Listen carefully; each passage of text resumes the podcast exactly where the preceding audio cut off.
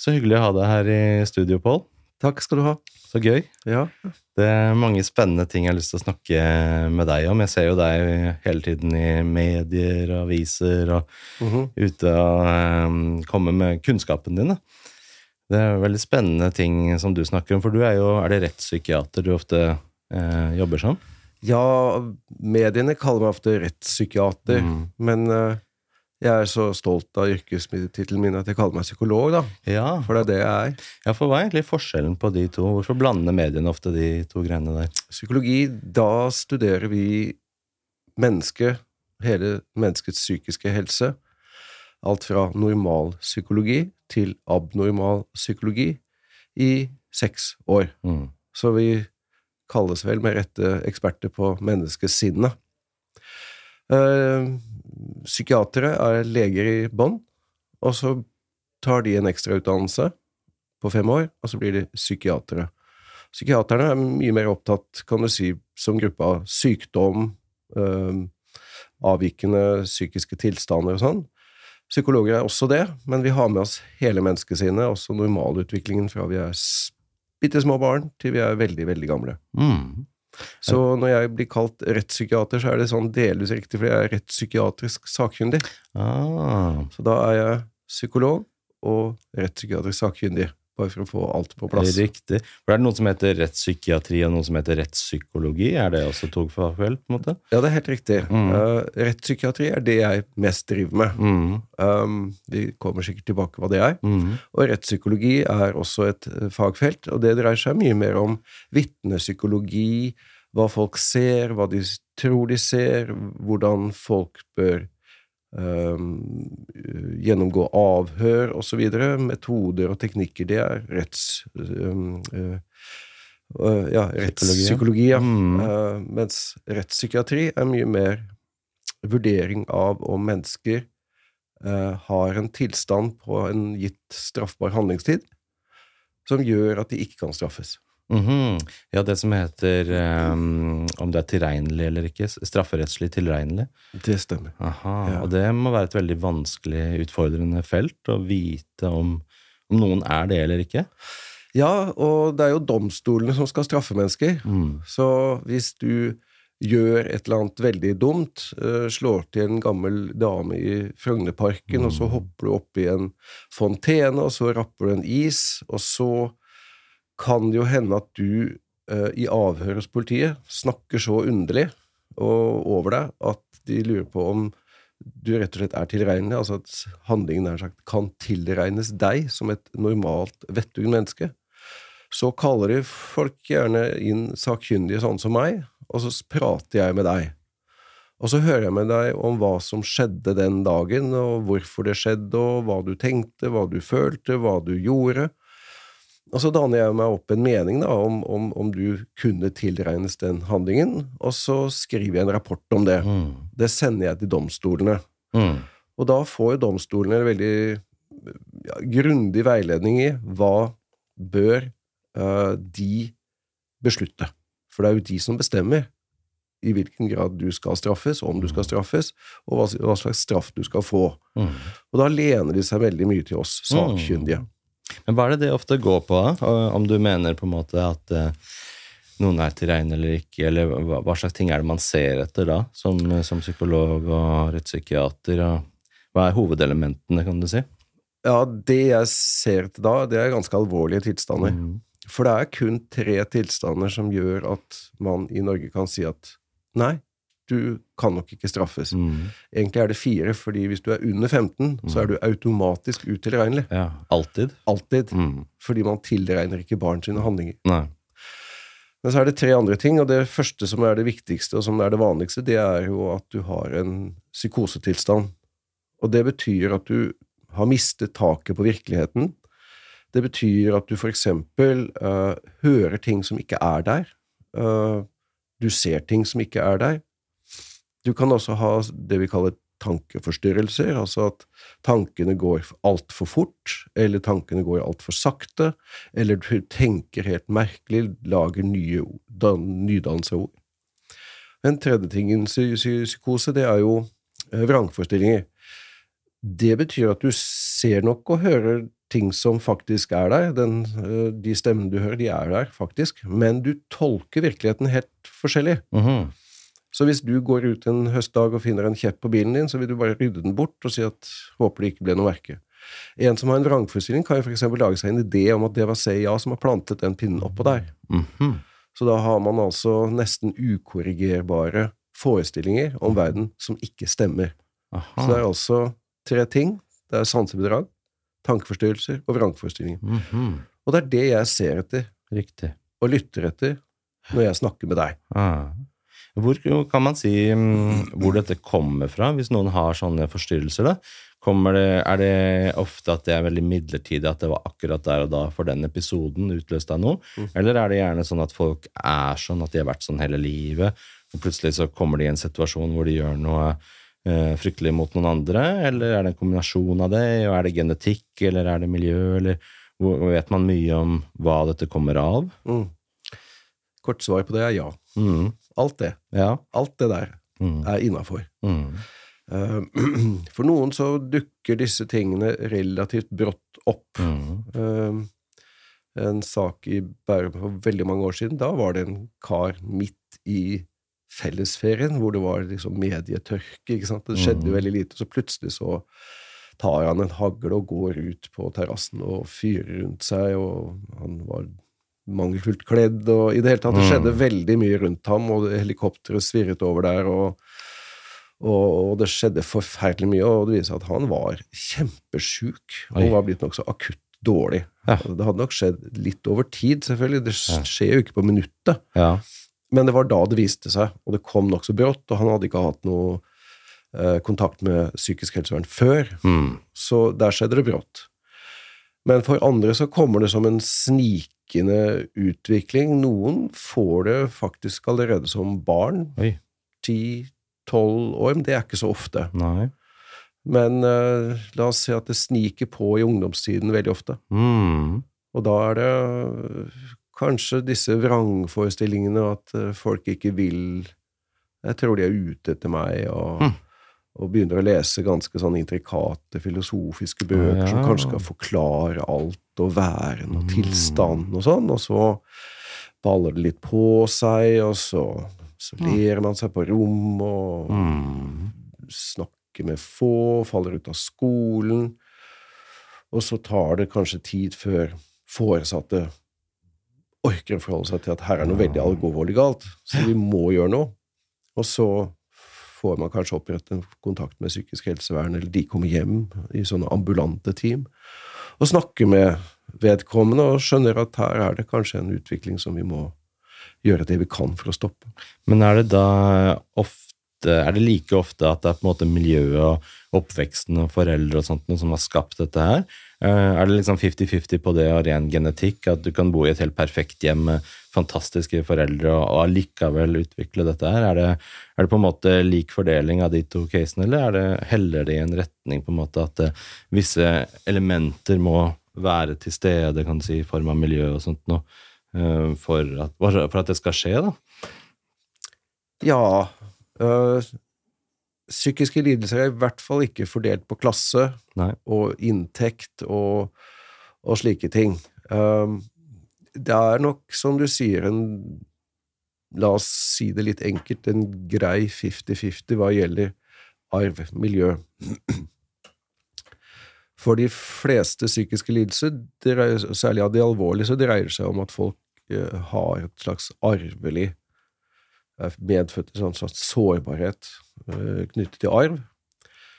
Og så er det jo ikke sånn at selv om du er medfødt med en sårbarhet for slike lidelser, så trenger du ikke å bryte ut. Det kommer litt an på den arvelige sammensetningen. Noen er veldig sårbare for det. Noen er sårbare for veldig lite. Det skal lite til før det skjer noe. Mens andre så skal det en god del stressfaktorer i miljøet til, da. Mm. Det er litt sånn med ulike typer diabetes. Altså, noen er jo født med et slags uh, sårbarhet for å utvikle det, men, men det skal mye til. Det skal veldig dårlig livsførsel, uregelmessig, dårlig kosthold, ikke noe mosjon, og så kan det slå ut. Mens for andre så skal det liksom ikke så veldig mye til, det vil nesten slå ut nesten uansett. Og sånn har jo historikken vært oppover veldig lei eh, tidvis, fordi man har tilskrevet at uh, psykiske lidelser ja, det skyldes f.eks. kalde, fjerne mødre altså, og sånne ting. Blame all this the mother. Og Mm. så, og så viser det at nei, det var vel ikke så mye de kunne ha gjort. Ja, uansett. Dette ville nok ha kommet Mm. i en eller annen form. Mm. Men det er veldig vanlige er at man klandrer seg selv. Hva har vi gjort feil? Hva har vi gjort galt? Og så tenker man bare på én ting, nemlig at det var noe vi gjorde. Ja. Eh, selvfølgelig, mm, ingen vokser vel helt skadefritt opp av en gjennomsnittlig norsk vanlig barndom, Mm. men vi blir jo ikke alvorlig psykisk syke av det. Mm. Sånn at det er veldig sjelden at jeg i hvert fall har hørt om at noen har utviklet en alvorlig sinnslidelse bare av et dårlig miljø. Ja. Men det er klart, noen miljøer er så grusomme og så Ja. uh, ufyselige at man kan jo utvikle ulike psykiske lidelser av det. Mm. Men det vanlige er en kombinasjon av ja. arv. Arv og miljø, ja. Ja. Også det som du kaller, eh, som du snakker om, sårbarheter, og kanskje det motsatte av det blir vel eh, robusthet, eller resiliens, at man Ja. tåler veldig mye mm. påkjenninger. Ja. At man da heller kanskje går en annen vei, blir enda sterkere og, og, og blir herdet, på en måte, da, hvis man Ja. ikke har de sårbarhetene. Så det, nei, det er spennende. Og så er det vel en gruppe også med folk som kommer fra krigsherjede områder og sånt, og PTSD, og så Mm. gjenopplever mareritt og sånt fra situasjoner der, og plutselig får det for seg at mennesker på gata i Oslo er soldater, at du må krige, og at du Er det også en greie du møter på ofte, eller? Jeg møter nok ikke ofte på krigsskadde mennesker med PTSD på grunn av det. Mm. Um, PTSD er nå en diagnose som, som er litt vanskelig, fordi den er blitt så populær at den Mm. nesten drukner i sin egen popularitet. Ah, riktig. Er det noe som er populært, så er det jo bare å ha ADHD Mm. eller uh, PTSD. Mm. Så er det veldig poppis å kalle det kompleks PTSD. Ja. Hva er egentlig det for noe? Kan vi ta det fort? Ja, det er vel fordi at du har opplevd gjentatte traumatiske, livstruende, eller det man opplever som livstruende, eh, stressende hendelser. Mhm. Mens enkel PTSD eh, tilskriver man da en enkelt hendelse. -huh. Fellesnevneren for begge to er at du skal ha vært i en situasjon som de aller, aller fleste vil ha opplevd som ekstremt livstruende, og som det er helt rimelig at du reagerer veldig sterkt på. Mhm. Problemet med diagnosen er at veldig mange synes å ha opplevd så ekstreme ting at de mener at de har PTSD. Ok. Og jeg ser også at en god del fastleger og en del eh, psykologer lett slenger på den diagnosen uten at jeg helt skjønner ja, hvor er kriteriet om at dette skal være en utløst av en ekstremt livstruende hendelse. Riktig. Sånn at man bruker ikke kriteriene, og derfor så blir jeg alltid litt sånn jaha, Mm. ok, nok en med PTSD. Ja. Og så er det jo noen jeg skjønner at ja, selvfølgelig, du har jo vært utsatt for det. ja. Eh, ingen tvil. Og du reagerer også i, i, i tråd med det man forventer. Mens andre slenger litt sånn likegyldig ut av seg. «Å ja, så har jeg jo PTSD, da. Ja, ja, ikke sant. Og da blir jeg litt sånn jaha. Mm. Så, så jeg er en skeptiker. Ja, kan man også si at, er, at de der diagnosene på en måte svinger med kulturen? Ja. Når det blir veldig poppis med ett ord, at man er det og det, så, så kan man se liksom en sånn statistisk trend hos uh, fastleger og sånn, de diagnoser at oi, nå er den veldig på så mye mer enn det skulle tilsi, rent sånn generelt statistisk sett, hva pasienter har, så er det av kulturen som påvirker. Jepp. Og jeg husker ikke når det var Var det på 90-tallet at det var veldig populært med whiplash? Ja, Hva er det blitt av de da? ja. ja. Men eh, du verden så mange det var da. ja da var det veldig mange. Ja. Mm. Nå har vi, ser det ut til at PTSD, ADHD er i vinden, i tillegg til at det er veldig mange som nå fokuserer på at de har, er født inn i feil kropp. ja, ikke sant. Det er det nye nå. Det ser ut til å ha vært en sterk økning i forekomsten av henvisninger til utredninger for såkalt kjønnsdysfori, Ja. eller at man føler selv at man er født inn i feil kropp. Mm. og har fått veldig vind i seilene, og Espen Ester Prelle Benestad og transbevegelsen, Mm. og, og det virker jo som ja, Litt fleipete sagt at uh, kvartparten av norsk ungdom ser ut til å ha vært født inn i feil kropp, ja. men uh, um, Ja, Hva handler det der om, egentlig? Hvorfor er det blitt sånn? Ja, det er jo litt som du nevnte, at det er i mediebildet. Det blir veldig fokus på det. Mhm. Og, og dette er jo et fenomen som ofte opptrer hos ungdom. Mhm. Og jeg tenker at det er jo litt sent Mhm. å oppdage i gåseøyne Ja. at du plutselig er født i feil kropp. Ja. Jeg tror de virkelig De folkene som virkelig er født i feil kropp, de oppdager det veldig tidlig. Det er sånn Jeg kjenner vel en som vi kan kalle ehm, Mats, som tidlig nektet å gå med bukser og orket ikke det med biler og greia, skulle absolutt le leke med dukker, og kjole var greia, som, som så ble hetende Marianne. Mm. Og, og veldig få har vel vært i tvil om at det var i og for seg riktig for vedkommende. Mm. Men jeg syns det er noe rart når du er 16 år og plutselig finner ut av det. Særlig i en alder hvor man vanligvis sliter forferdelig med hvem er jeg, hvem er jeg i forhold til andre, uh, hvorfor fungerer ikke livet for meg? Og så har man fått en sånn knagg, og det Å ja! Feil kjønn. Nå skal jeg presisere at nå er jeg litt slarkete i måten jeg øh, snakker om dette på, men, men det ligger meg litt nært fordi, fordi det er en veldig sterk debatt om det, og jeg syns det er farlig hvis man går i en retning av at nå skal vi nå skal man sette i gang med kjønnsbekreftende behandling via hormonbehandling tidlig, uten at man utreder skikkelig. Mm. Hva kan dette være? Mm. Og det har jo selvfølgelig vært et monopolisert tilbud ved Rikshospitalet, og det eh, Jeg kan nok skjønne at en del har vært frustrert over at det er lange ventelister og litt for grundig utredning, kanskje, men jeg ser også risikoen ved at, at debatten har tatt så vidt av, og fokuset har blitt så sterkt, at veldig mange krever rask behandling basert på mangelfull utredning, eh, basert igjen da på at det er nærmest i tiden. At det, er kanskje det som er løsningen. Ja, er ikke det veldig spesielt også, tenker jeg, at bare fordi noe er i kulturen og i tiden, at det skal på, få lov til å påvirke det medisinske og det faglige og det psykologiske så sterkt at det på en måte gir etter for det presset. Det føles, tenker jeg da utenfra, som et slags gruppepress overfor det medisinske miljøet. at Enten så sier du ja til dette, eller så mister du jobben, satt på spissen. da, Men at det er et sånt veldig sterkt gruppepress innover mot å å gjøre det som er politisk korrekt, og det som er i kulturen akkurat nå. og Hvis ikke, så blir du uglesett. og At det er noe sånt. da, Et element av det. Ja, og jeg er bekymret for det. Ja. Jeg er nok en konservativ empiriker i så måte. Mm. Så jeg vil gjerne ta et skritt tilbake og si hva er det vi vet? Ja. Hva er det vi kan? Hva bør vi gjøre her? Hva sier vitenskapen? Mm. Mens jeg synes at det, visse deler av interessegrupper går i sånn tut og kjør. Mm. Her, her er det dårlig med behandling, her er det mangelfull desentraliserte klinikker, vi må kjøre på. Eh, alle som føler uh, visst ubehag ved den kropp de er i, de skal få kjønnsbekreftende behandling. Vi skal ikke sjekke om den behandlingen som Espen Pirelli Benestad ga, som etter hvert medførte at han mistet lisensen. ja, han gjorde det. Vi skal liksom ikke sjekke om, om det er noe i den kritikken av ham og den type behandling. Man skal på en måte la seg uh, følge med uh, det offentlige, uh, de som hyler høyest, Mm. Og si ja, sånn skal vi gjøre det.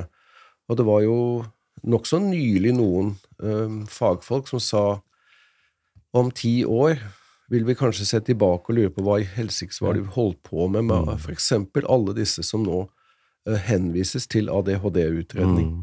Eh, Kan det være at det er noe annet, for eksempel at barna starter for tidlig på skolen, og at gutter sitter for, for tidlig stille i livet? Mm. Jentene klarer det noe bedre enn guttene. Mm. Er det kanskje dens, det som det dreier seg om? Mm. Og at det ikke nødvendigvis er en nevropsykologisk utviklingsskade, Ja. som, som det er lett å gripe til når noe er feil. Mm. Det kan jo være mange ting som gjør at det er feil i livet, Mm. Uh, og da bør man kanskje ikke gripe til den første og den mest politisk korrekte Ja. løsningen. Jeg tror alt det handler om frykt. Det. Frykt hos terapeuter og psykologer og leger. Frykt for å miste anseelse, frykt for å for gruppepress, for å bli hengt ut, for kansellering, for kritikk, for at det er så Det er blitt en sånn skadelig funksjon av gruppepress i samfunnet. At eh, det blir sånn uthenging av enkeltpersoner og sånt noe.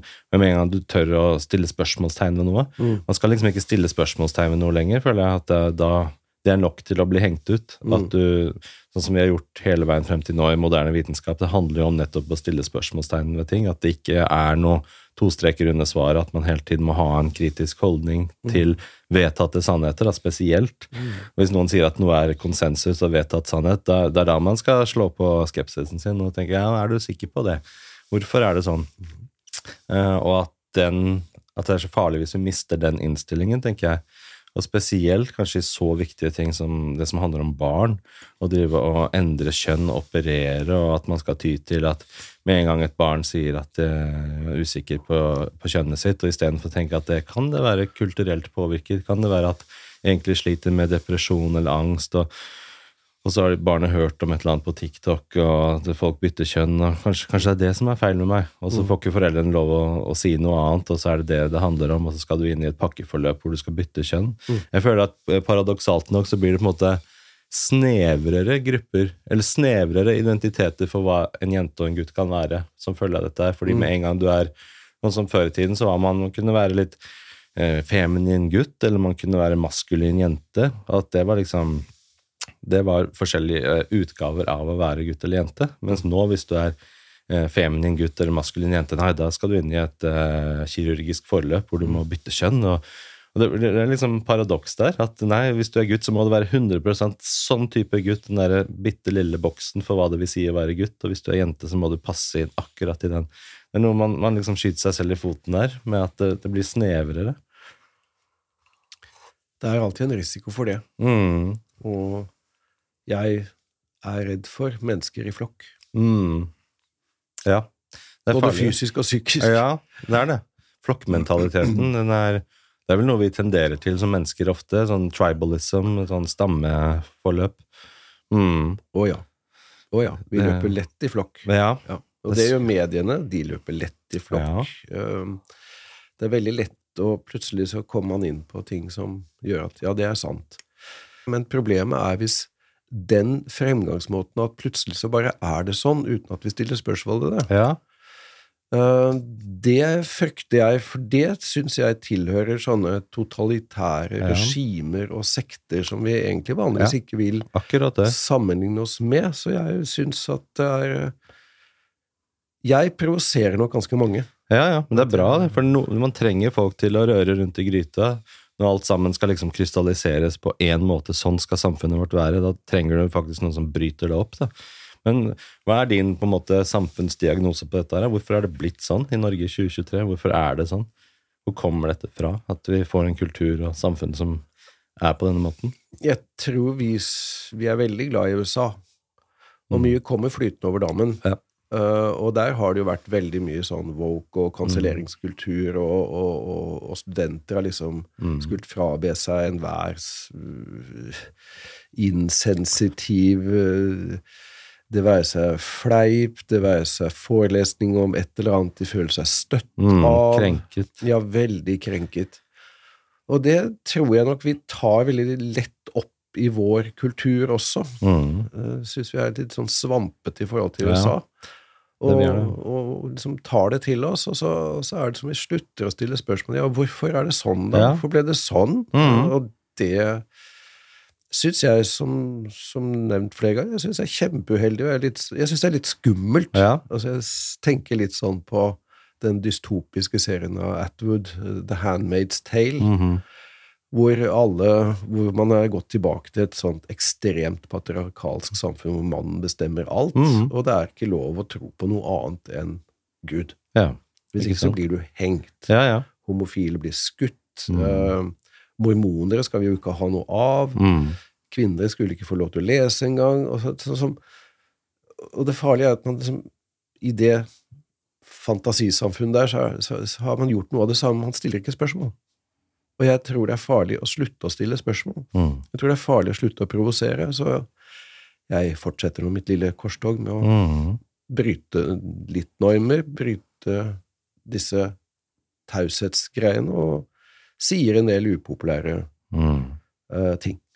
Er det ikke en Jeg tenker da, at det handler mye om frykt på samfunnsnivå. Frykt for tanker. Frykt for eh, ideer som man ikke klarer å argumentere imot. Så er det mye lettere å bare stenge ideene ned og kansellere folk og fjerne plattformen til folk som man ikke liker tankene til. Spesielt hvis man ikke klarer å logisk argumentere imot ideene disse menneskene har. Så er det mye lettere å, å stilne dem. da. Og så tror jeg det er en form for eh, så jeg skal være hobbypsykolog, da. At det er narsissisme i stor skala på samfunnsnivå. Alt dette krenkegreiene. At man er så jeg skal, mine følelser skal ikke bli krenket. av-» Liksom, når, når ble et demokrati og et samfunn sånn at dine følelser, at du har krav på å ikke få følelsene dine tråkket på? Det er, det, er, det, er liksom, det er ikke det som er et demokrati. Et demokrati er jo nettopp et sted hvor du kommer til å bli provosert, hvor du kommer til å få følelsene dine tråkket på. Fordi ideene og det offentlige ordskiftet er det som driver samfunnet videre. En fri flyt av ideer og tanker og utsagn og, og, og diskurs. Da. Og da må du regne med at følelsene dine blir krenket. Så nå er det snudd på hodet. Nei, nei, vi må gjøre alt. Safe spaces, safe spaces. Ide, eh, følelsene våre kan jo ikke bli krenket. Da må, da må man i fengsel for hatprat. Ja. Nei, det er en tidsånd som belønner veldig mye narsissisme. Mm. Det tror jeg nok vi kan være enige om. Jeg har jo nylig skrevet en bok om narsissisme ja, med Ja. Psykiater Alfa Dahl, og vi kunne ikke klare å påvise at forekomsten av narsissistisk personlighetsforstyrrelse har økt. Mm. Men det vi er nokså sikre på, det er at tidsånden fremmer veldig mye narsissisme, og belønner den også. På grunn av sosiale medier og Instagram og TikTok og sånt, eller? Ja, at vi følger en del mennesker som, som ser ut til å ha en eneste agenda, det er seg selv. Mm. og, og, og, og hvor det er lov til å hevde seg krenket i mye større Mm. grad enn før, og det, det bolstrer jo mye narsissisme, i og med at man da får man jo masse oppmerksomhet, for nå, blir jo lille jeg mer Ja, ja. krenket, da. Og så får du faktisk applaus for det òg. Ja, At det var «Åh, Hun fikk eh, følelsene krenket, og stakkar offerkultur, da. ja veldig Mm. offerkultur. Stakkars, stakkars. Ja da. Og, så, så jeg blir jo veldig matt av det, den holdningen, for jeg tenker at jeg er jo enig med deg i at du skal tåle å bli krenket, men det er også litt måten det skjer på. Mm. Hvis det skjer gjennom trakasserier, Mm. baksnakking, Ja. eh, sånne ting, Mm. så, så syns jeg ikke at man skal være Nei. med på det. Nei, for der, der tenker jeg det er en intensjon bak det. Det er en intensjon om å krenke. Men da tenker jeg en forskjell på det er jo nettopp det med Hvis du blir krenket bare som, som følge av at noen har, bruker ytringsfriheten sin og snakker om temaer, og hvis du føler deg støtt av de temaene som snakkes om, uten at det er intensjonen, så kan man liksom ikke stenge ned samtalen som følge av det. Nei. øh, det, å kunne, det å definere at jeg blir Altså, krenking skjer når jeg blir krenket. Mm, Da er vi på ville veier. ja. Fordi da leter man på en måte etter at det er jeg som bestemmer alt. Mm. Omnipotens. Ja, altså, hvis din, din agenda er egentlig bare å gi en faktaopplysning om at, uh, at sånn og sånn mener jeg at det er, Mm. og så sitter jeg og kjenner at oi, nå ble jeg imøtegått, Ja. og det var veldig krenkende for meg. Mm. Er det en krenkelse? Ikke sant? Det er jo ikke det. Nei, jeg syns ikke det. Mm. Så ja, jeg syns vi skal tåle debatten, uh, og jeg syns vi skal våge å stille spørsmål. Og så er det måten motstanden kommer på, Mm. som må jo avgjøre om, om dette her kan objektivt sies å være en krenkelse. Jeg syns jo eksempel disse nettrollene um, Statistisk overvekt av menn da, som sitter og kjefter på kvinner i Mm. lokalpolitikken, og hun ræva der hun, hun, hun prioriterte gatebelysning framfor uh, ny paintballbane, eller hva det er, Mm. uh, som man skal trakassere og, og, og, og, og i anonym hetsform Mm. holde på. Det syns jeg lite om. Mm. Det er trakassering. Ja. Eh, og baksnakking og Jeg tror jeg har det. Voltaire har sagt at ingenting er så vondt som å bli hengt helt i stillhet. Ja, det er fint. Mens um, på den andre siden, hvis man eksempel har en debatt om la oss si kjønnsforskjeller eller noe sånt, og så en mann sier at vet du hva, det er forskjell på menn og kvinner, og da en kvinne blir krenket av det, for hun er ikke enig i at det er noe forskjell, så blir det liksom, det er ikke intensjonen å krenke noen, men du tar deg nær av det som blir sagt. Og da, da tenker jeg at det faller inn under det man må regne med i et samfunn. Da. At uh, følelsene dine kommer til å bli såret. Det, det er ikke noe garanti for å gå gjennom livet uten å bli såret iblant. Ingen vokser risikofritt opp i et vanlig samfunn. Mm. Ingen. Uh, og, og jeg, Av og til så har jeg irritert meg over at jeg har ikke noe vitenskapelig belegg for det, men jeg syns noen ganger at debatten går på at uh, det er lov å kjefte på menn, Mm. men det er ikke lov å kjefte på kvinner. Nei, hvorfor er det sånn, da? Nei, jeg vet ikke. Det er igjen denne her plutselige enigheten om at ting bare er som de er. Ja, ja. Uh, definert, tror jeg, av noen få litt vel tydelige stemmer. Ja. Så vokser det opp en sånn slags konsensus om at sånn bare er det. ja. Og igjen så, så, så mener jeg at det er slike dogmer som man, man definitivt bør stille spørsmålstegn ved. Mm. Ja, for det første så mener jeg at det er forskjell på kjønnene. For det Mm. andre så mener jeg at det er kjønn. Mm. De fins. Og jeg mener at det må være lov å si begge veier at ja, mange menn er teite som tyr til vold, Mm. driver med nettrolling. Um, ja, de statistisk sett faller kjappere ut av skolen. Mm. Så videre. Men det må da også være lov til å si at kvinner har en del trekk som ikke er helt ønskelige, de heller. Mm. Uten at man da er kjønnsdiskriminerende, eller hva Mm. så Kritiserer gjerne kjønnet mitt, mm. men, men da må jeg få lov til å si at uh, ja, men uh, menn tar også de farlige yrkene, og derfor så Mm. dør de tidligere. Ja.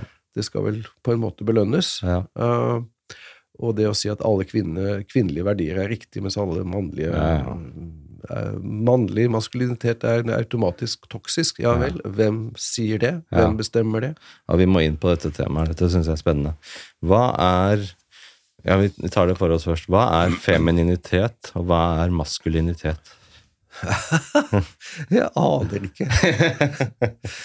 Nei, altså, femininitet er Jeg kan ikke definere noe annet enn at det virker på meg som mykere. Mm.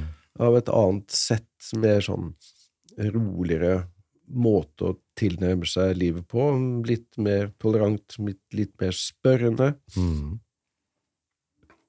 Mens maskulinitet eh, er ofte litt mer tydelig, litt mer eh, Tidvis noe mer voldsom. Mm. um, som, som fremmer noe sånn halvbiologisk måte å fremme seg selv som individ på. Selvhevdelse. Ja, og så gjerne gjennom fysikken. Ja, aggresjon. Ja, dels gjennom aggresjon, øh, dels intoleranse, men øh, Men jeg, jeg, jeg kan på en måte ikke definere det så veldig godt. Det er vanskelig.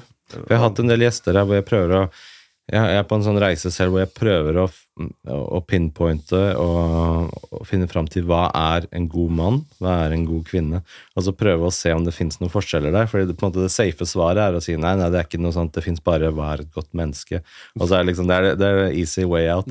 Men jeg prøver å finne ut av er det fordi det Sånn som Mannen 2023 da, i Norge, det er ikke noe rollemodell for hva mannen er lenger. altså Mannsrollen. da. Jeg syns at den er vanskelig. Hva er mannsrollen? Jeg tenker De som vokste opp i 1940-1950, hadde mye lettere for hva Ikke nødvendigvis lettere, men tydeligere. Tydeligere hva en mann skulle være. da. Sånn skal du være, liksom. Sånn skal du være mot kvinner. sånn, Dette er en mann, liksom. Da var det veldig sånn oppskrift.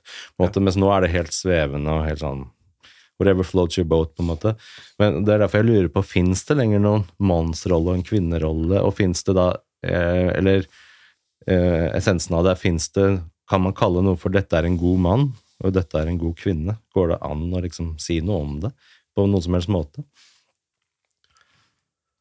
Uh, nei, jeg får jo sånn politimester Bastian-følelse, at uh, du skal være grei og snill, for øvrig kan du gjøre som du vil, Mm. men, men, men det er jo igjen en veldig lett utvei. Ja, for den gjelder alle, ikke sant? Den gjelder jo alle. Mm. Um, så det er nesten umulig å si imot det. Ja. Um, nei, den gode mann og gode kvinne består vel av ulike sett med egenskaper som jeg håper er litt forskjellige, for det er ganske tilpasningssmart i forhold til miljøet. Mm. Man er forskjellig. Ja, ja, hvordan er Vi kan ta for oss det, da. Er det forskjell på menn og kvinner? Sånn øhm, Det er åpenbart forskjell biologisk, men sånn i psykologien og sånn hvordan vi tenker, hvordan vi er i forhold til verden, personlighet, eh, trekk ved oss eh, statistisk sett og sånn. Er det, er det forskjeller på oss menn og kvinner? Menn er nok mer handlende, eh, og kvinner er mer verbale, sånn på gruppenivå. Ja.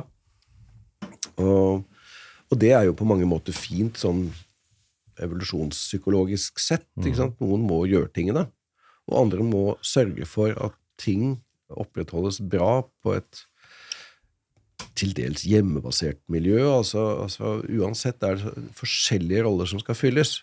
Og statistisk sett så har det vært mannen som har handlet, og kvinnen har mer vært den verbale som, som i tidligere tider var veldig ansvarlig for å, å oppdra barn, og da er man kanskje mer verbal, fordi barn skal snakkes til for å kunne lære å snakke. Det er jo ganske smart. Uh, men så fins det jo veldig mange variasjoner av dette her, da, um, som gjør at, uh, at uh, så lenge man opprettholder et mangfold, ikke nødvendigvis setter opp et sett med verdier som dette er et sett med gode verdier, så tror jeg at de fleste mennesker sosialiserer seg veldig greit til en gruppe. Og det tror jeg vi gjør i Norge fordi vi har veldig høy tillit. Men det vi kan heller identifisere, det er jo lettere de menneskene som, som vi sier har et sett med egenskap som er uønskede.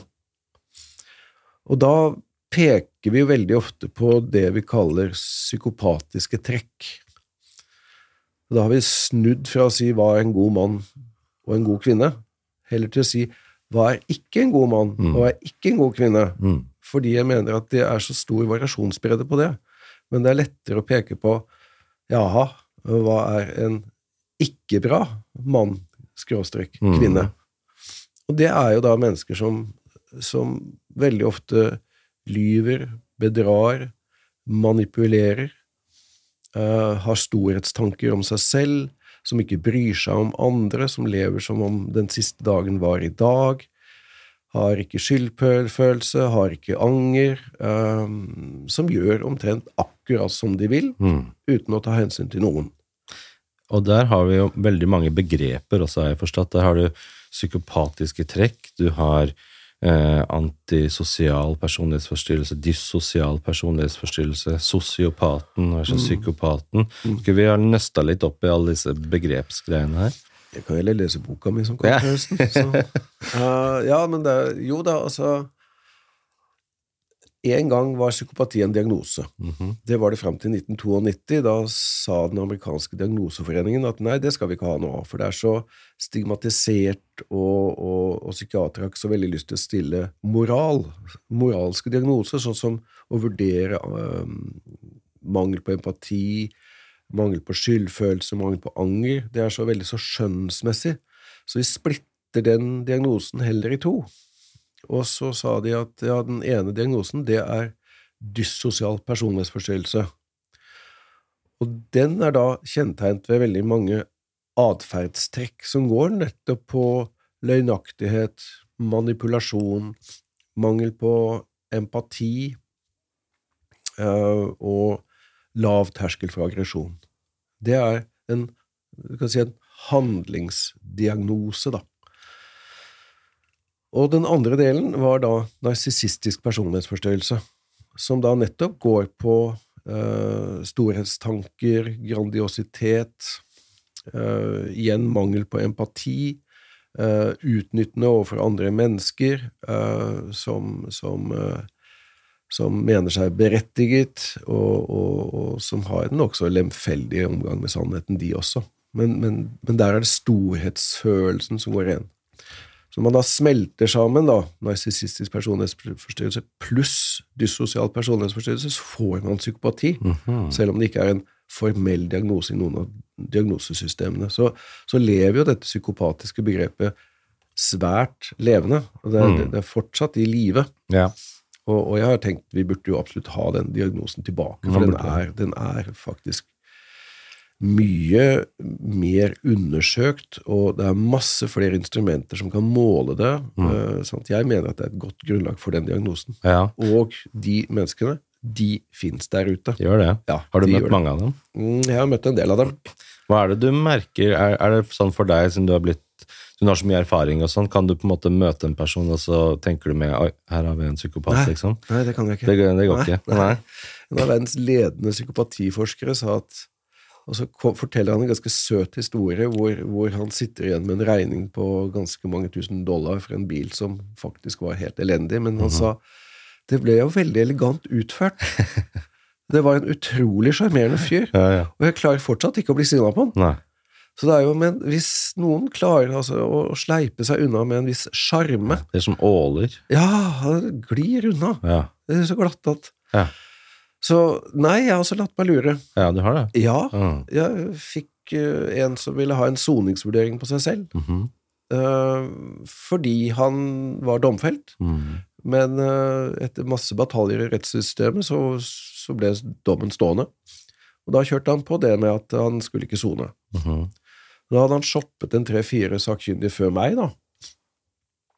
Og så var det en eh, kollega av meg som sa at nå, nå er jeg på en måte brukt opp. Nå, nå vil ikke retten høre på meg, så, så nå må det liksom gå til deg. Mhm. Så kom jo denne karen tastende til meg og skulle ha en utredning, og jeg gjorde litt utredninger på han og snakket med han og skrev rapporten, og så tenkte jeg, men ja, det er mulig du har litt angst og depresjon, og du syns at livet er kjipt og sånt, men jeg tenkte at nei, sorry.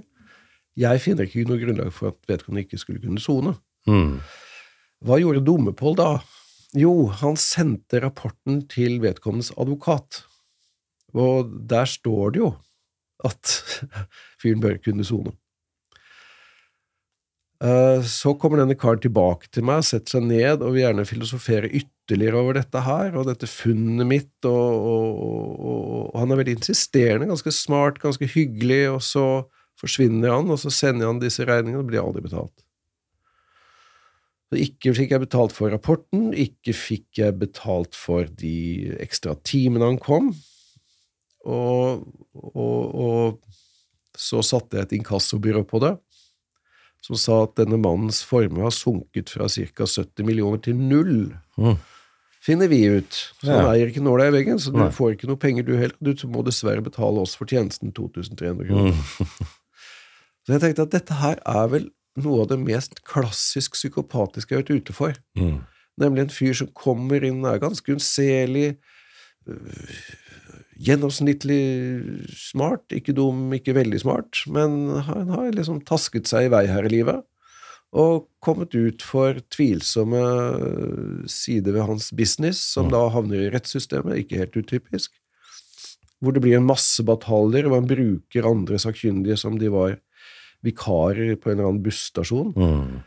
og så ender opp turen opp til meg, og det er jeg som får regningen til slutt. Mm. Altså dette her er så, det var liksom sånn, Da jeg skrev dette kasuset ut fra en virkelighet, så tenkte jeg mer typisk blir det ikke. Nei, nei, nei. Så jeg lot meg lure, trill rundt.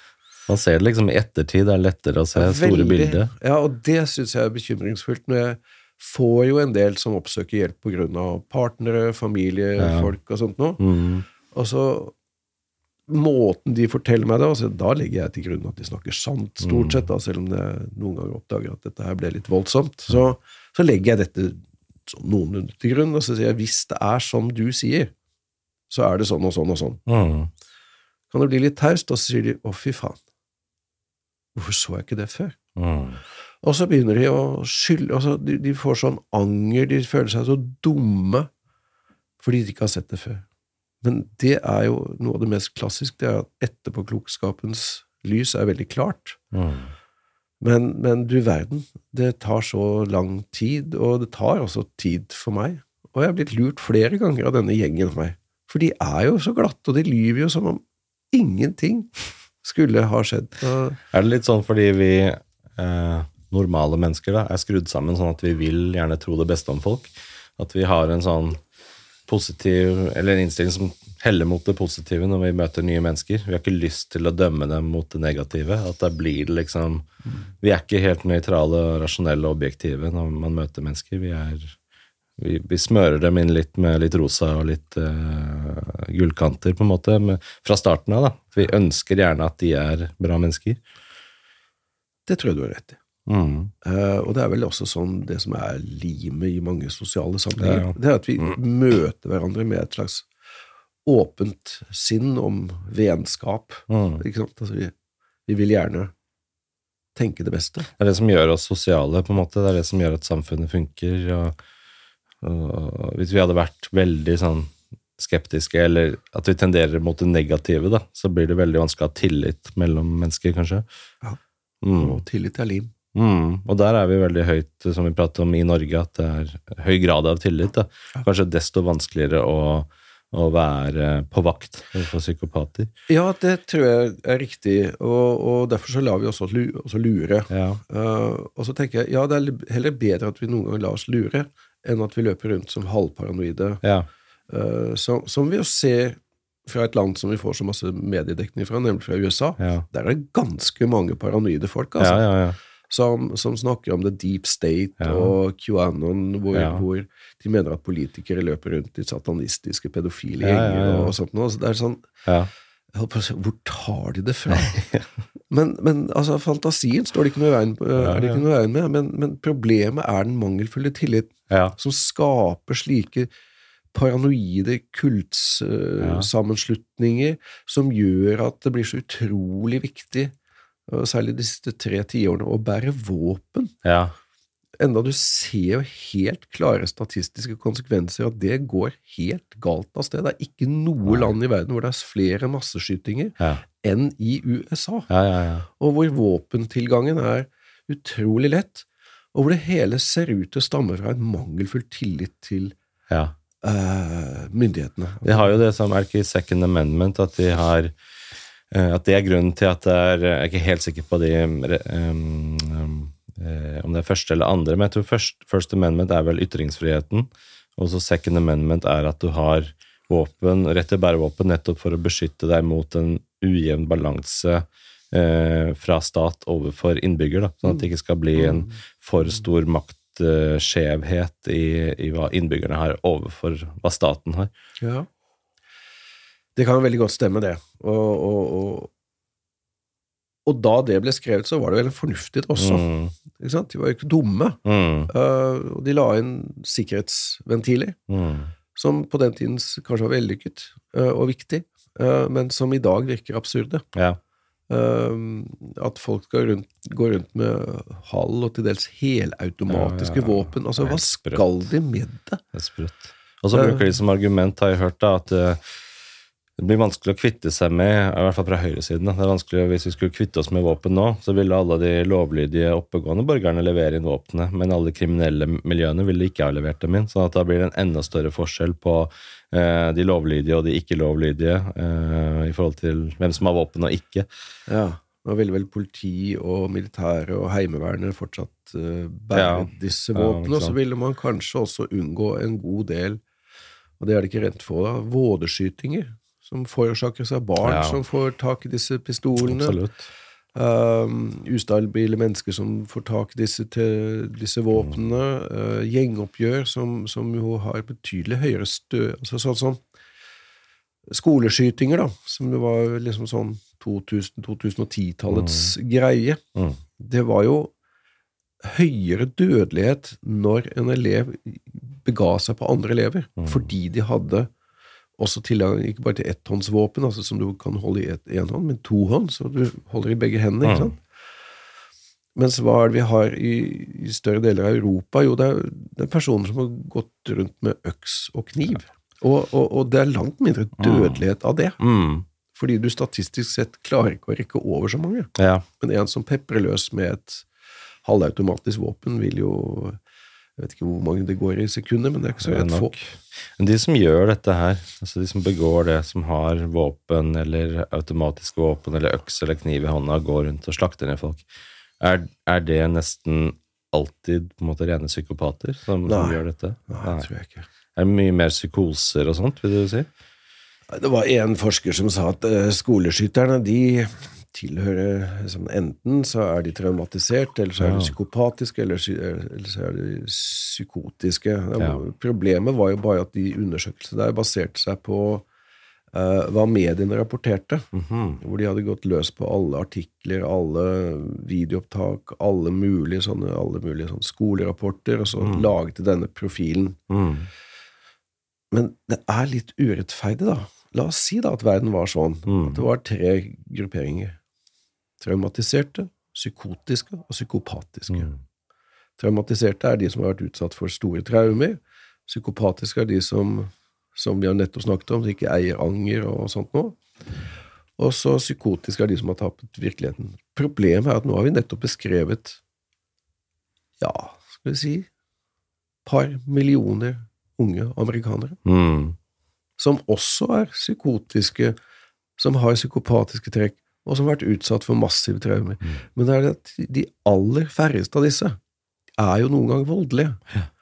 Så ergo så, så har vi på, en måte i en slags snodig profil sveipet med oss absolutt alle. Sånn at variasjonsbredden for hvem det er som har begått disse skoleskytingene, er nok mye større enn det vi vil ha. Det, det godt være mulig at vi kan klistre på det med en psykiatrisk diagnose, eller si at et eller annet vondt har skjedd i uh, bakgrunnen, men vi kan ikke lage en slags årsaksforklaring ut ifra det. Mm. Hvis du er traumatisert, oi, da er du liksom den neste skoleskytteren. Ja, ja. Men da har vi nesten en million andre som har vært traumatisert, som aldri griper til våpen. Ja, Så dette da- bildet er mye mer sammensatt enn det vi liker å tro. Vi liker å kjøre ting i kategori. Sånn er det vel. Ja. Vi liker det. Og der kommer vi inn på et tema som jeg syns er veldig spennende også, denne med sykeliggjøringen av godhet og ondskap og fri vilje.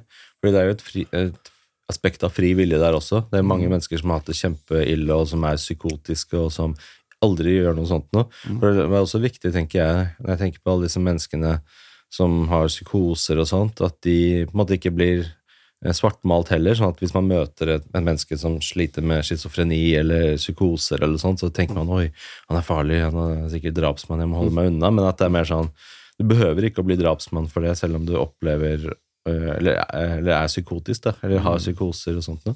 Sånn at det er jo et element kanskje av fri vilje der òg. Og da har jeg lyst til å komme inn på dette med eh, godhet og ondskap. Hva tenker du om det? Er det noe som fins? Fins det gode mennesker? Fins det onde mennesker? Har vi alle godhet og ondskap, eller kapasiteten til det i oss?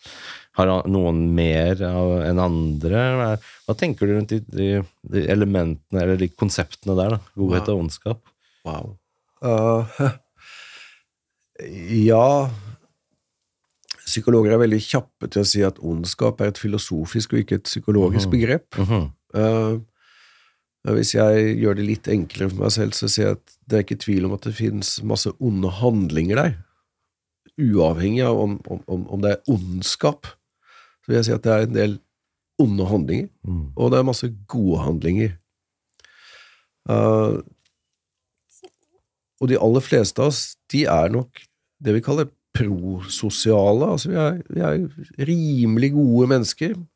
Selvfølgelig er vi jo egoistiske og selvopptatt og alt mulig, men i all hovedsak så gjør vi de skikkelige tingene. Vi betaler vår skatt, vi går på Mm. arbeid, vi kler oss skikkelig, vi trakasserer ikke andre. Sånn at eh, vi liksom beveger oss sånn rundt rimelig bra mennesker.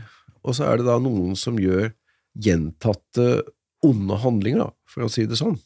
Eh, som jeg ikke kan si stammer fra en genuin ondskap, men det er klart at noen har et sett egenskaper, personlige egenskaper, som lett leder til handlinger som vi kan tilskrive en type ondskap, uten Mm. at jeg vet at ondskap er noe iboende menneske. Eh, Jeg har vanskeligheter for å tro at spedbarn er født onde Mm. men de er født med et sårbarhet for å kunne utvikle veldig uheldige sider, avhengig av det miljøet du er oppvokst i. Da er vi liksom litt tilbake til start. Mm. Men hvor, hvor Hvis disse menneskene vokser opp da med et sårbart anlegg, men da i en et veldig god, godt miljø, Mm.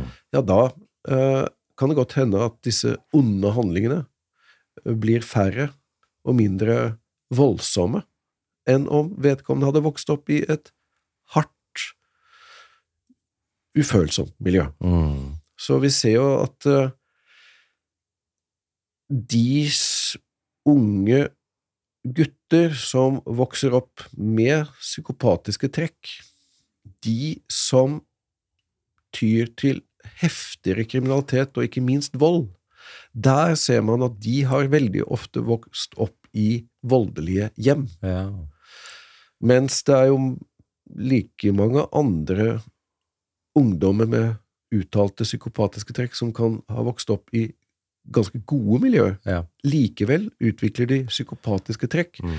men det ser ikke ut til at uttrykket for psykopatien blir så dramatisk okay. som de som da har vokst opp i voldelige hjem. Så de kan nesten bli man kaller det velfungerende psykopater? Ja, du kan kalle det i den grad man kan si at noe ved psykopati er velfungerende, så kan du si at de er mer tilpasningsdyktige, Mhm. Og, og gjør ikke de handlingene som gjør at eh, de litt mindre sofistikerte psykopatiske folkene havner i fengsel. Fordi kan en psykopat på en måte leve i et normalt eh, parforhold, ha en normal jobb, 8-4, og kan, det, kan et sånt bilde av en psykopat se sånn ut? Kan de holde det under kontroll, kan du si? Kan de fungere som alle andre? Bare at de vet at kanskje at de er annerledes, de er annerledes, men allikevel så, så tenker de kanskje at det, det gagner dem å være mest mulig, blende inn mest mulig med alle andre, og leve som alle andre. Og, mm. Kan de være på den måten, liksom? Kan de fungere i et parforhold? Og, Ja, og sånn? ja det kan de. Mm. Og noen ytterst få har nok en selvbevissthet om at jeg er ikke som andre. Ok. Uh, og i, i hvilken grad de har klart å sette ord på det, var en eller annen sånn mytisk kar som vel hadde en uh, ganske fin akademisk tittel, som, som skjønte at han var veldig annerledes, Ja. og, og som sa at ja, men jeg er kanskje litt annerledes, ja, men da var det en av døtrene som sier at pappa, du har aldri vært snill.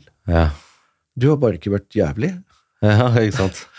Uh, men de var litt glad i han, og, og, og han skjønte at han var det, men dette var litt sånn mytisk, sånn at uh, i hvilken grad man får sanne historier fra personer som selv har høy psykopati, det er jo litt vanskelig å vite, da. Ja. Og veldig ofte så er jo disse menneskene studert i fengsler, og det er de som da har de mest dramatiske utslagene av Ja. psykopati. Ja. Men det er klart, uh, en av de store ekspertene uh, innenfor psykopati, en som heter Robert Hare, sa at Ja. hvis jeg ikke hadde studert mennesker med psykopati i fengsel, så hadde jeg gjort det på børsen. ja. Ikke sant?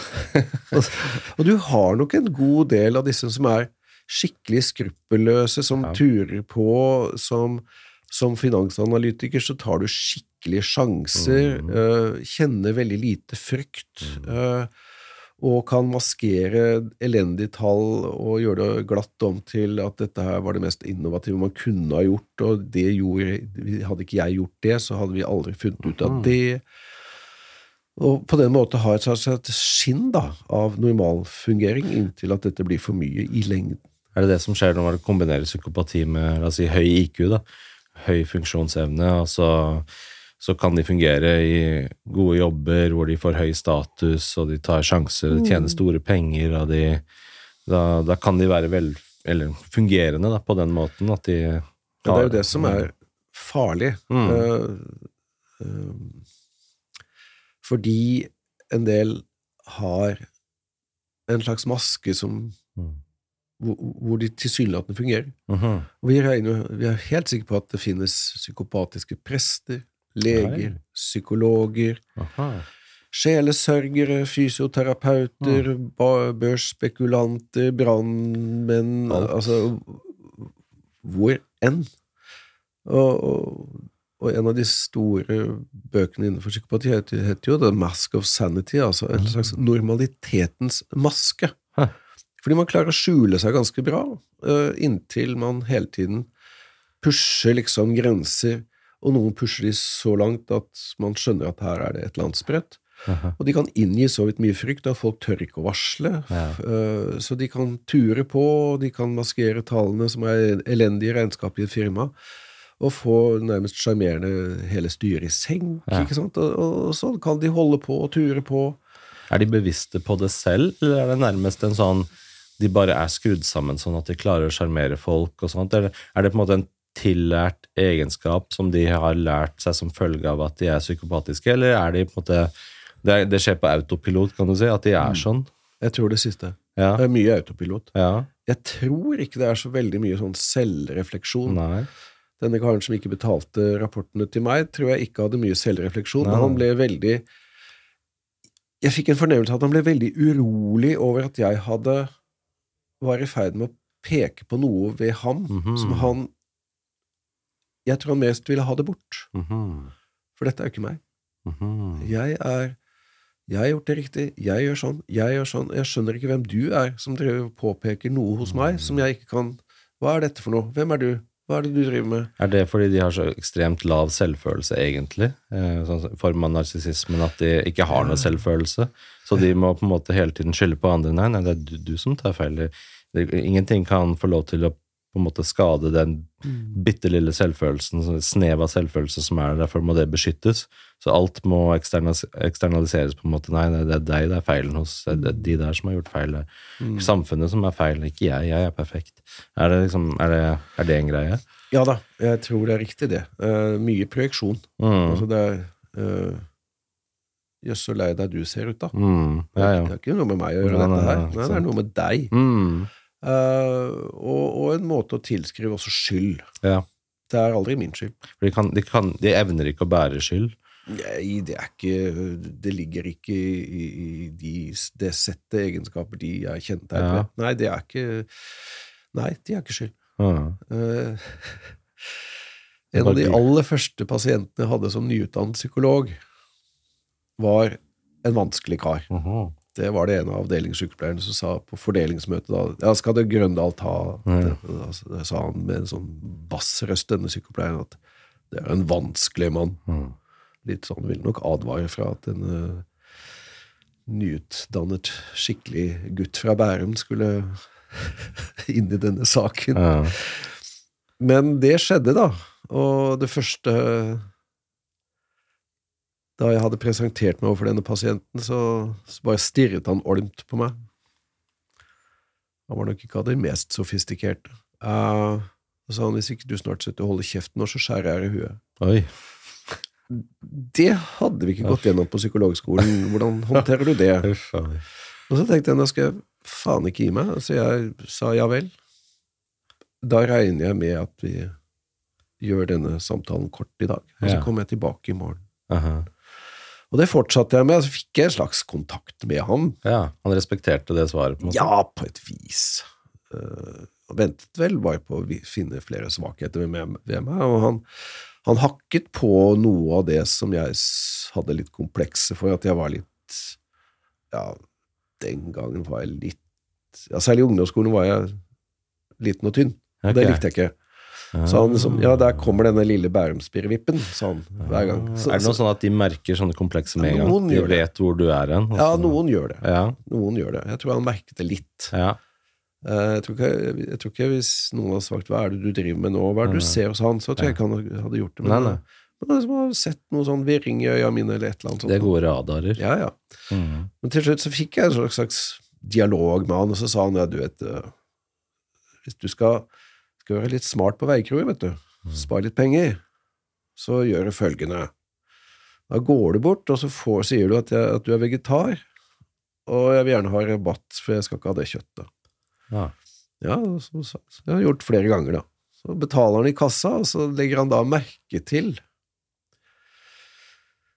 når det er vaktskifte, eller noen andre går og skal stå og servere deg, så, kommer et, så, så reiste han seg opp, og så gikk han bort. 'Hei, kan jeg få litt påfyll av kjøtt?' Ja, ja.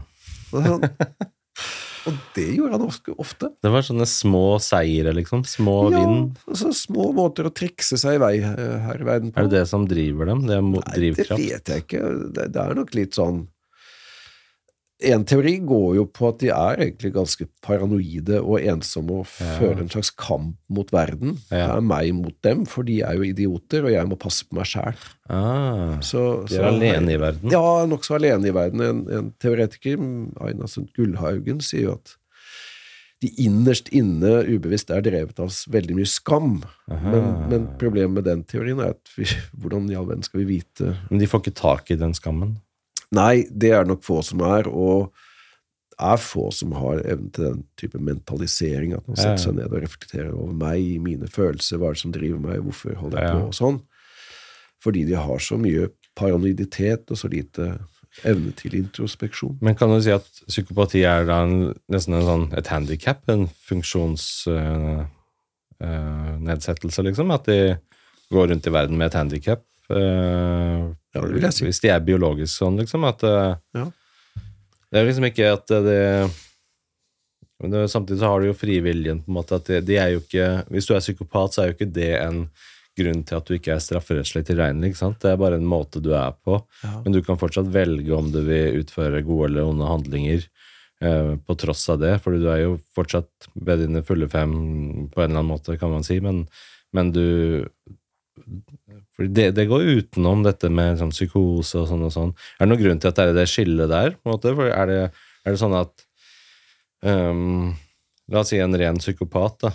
Null anger, null samvittighet, null skyldfølelse, null skam. Kan gjøre hva som helst. Mm. Men du har vel fortsatt like mye skyld i dine handlinger enn en som har masse samvittighet, enn en som kan føle skam, en som føler frykt. Du, li, du bærer like mye skyld uansett.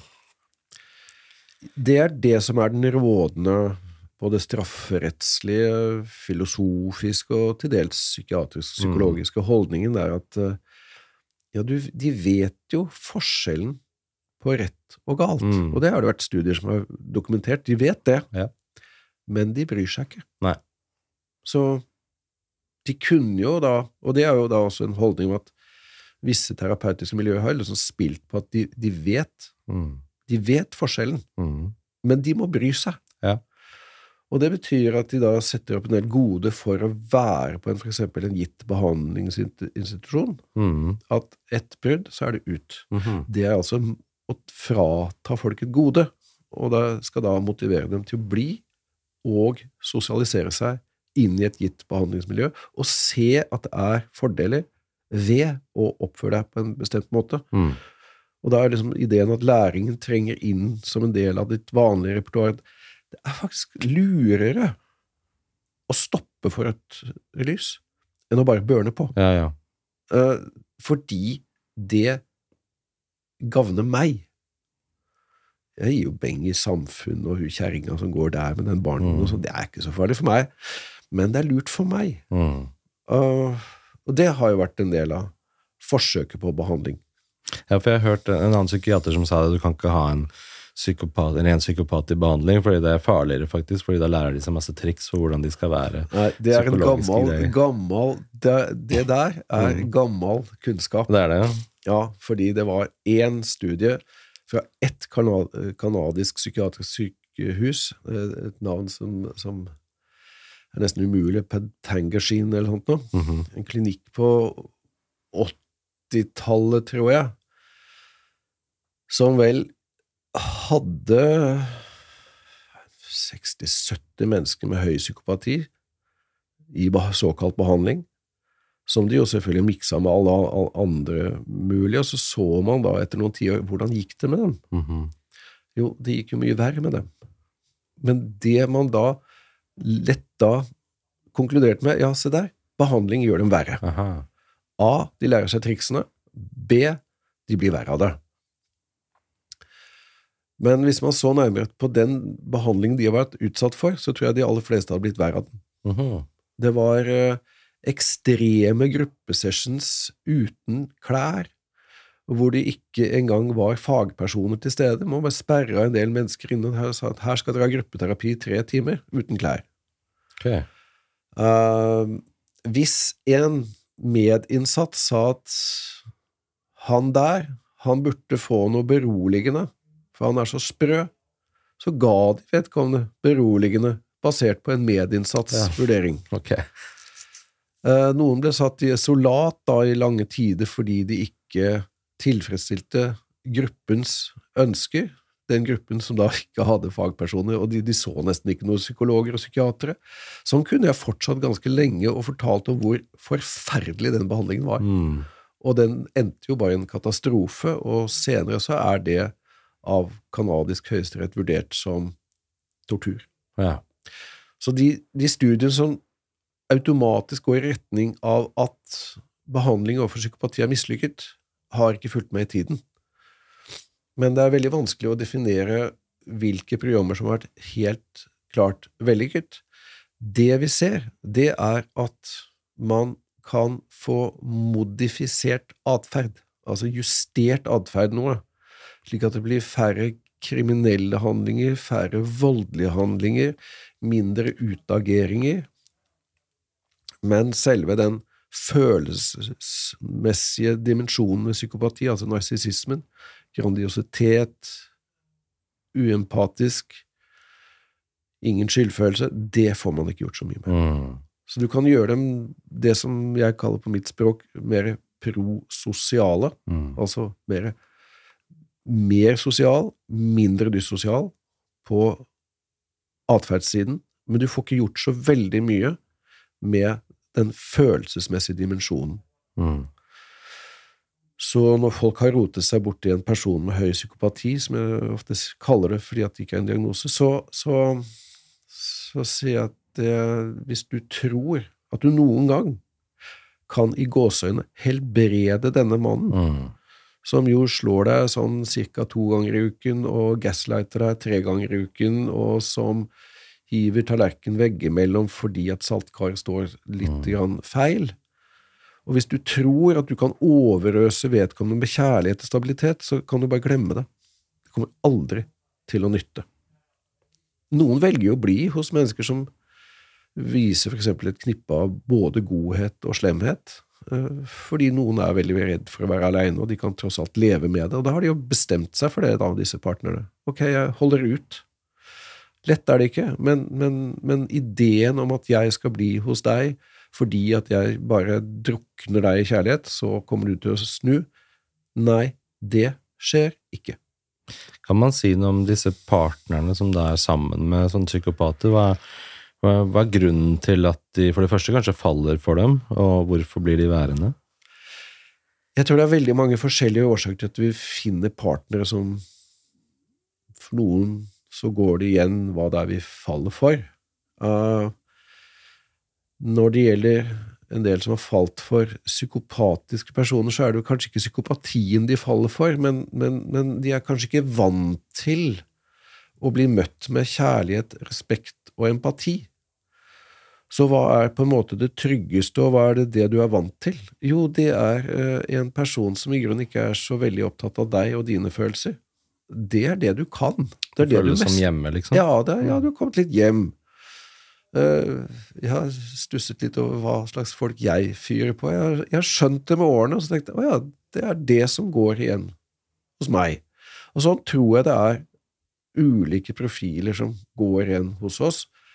Og stort sett så sentrerer vi oss rundt en sånn slags normalitet. Altså det er litt sånn odde ting. Noen skal bare ha lyse kvinner, andre skal ha mørke menn. altså det er, Noen skal ha litt fjerne folk, noen vil gjerne ha veldig sjarmerende mennesker. Altså, det er så stor variasjonsbredde. Sånn at jeg tror ikke at at det er noen kvinner Det er ikke mange, mange øh, menn eller kvinner som faller for en person som åh, så deilig psykopatisk. Ja. Det tror jeg ikke.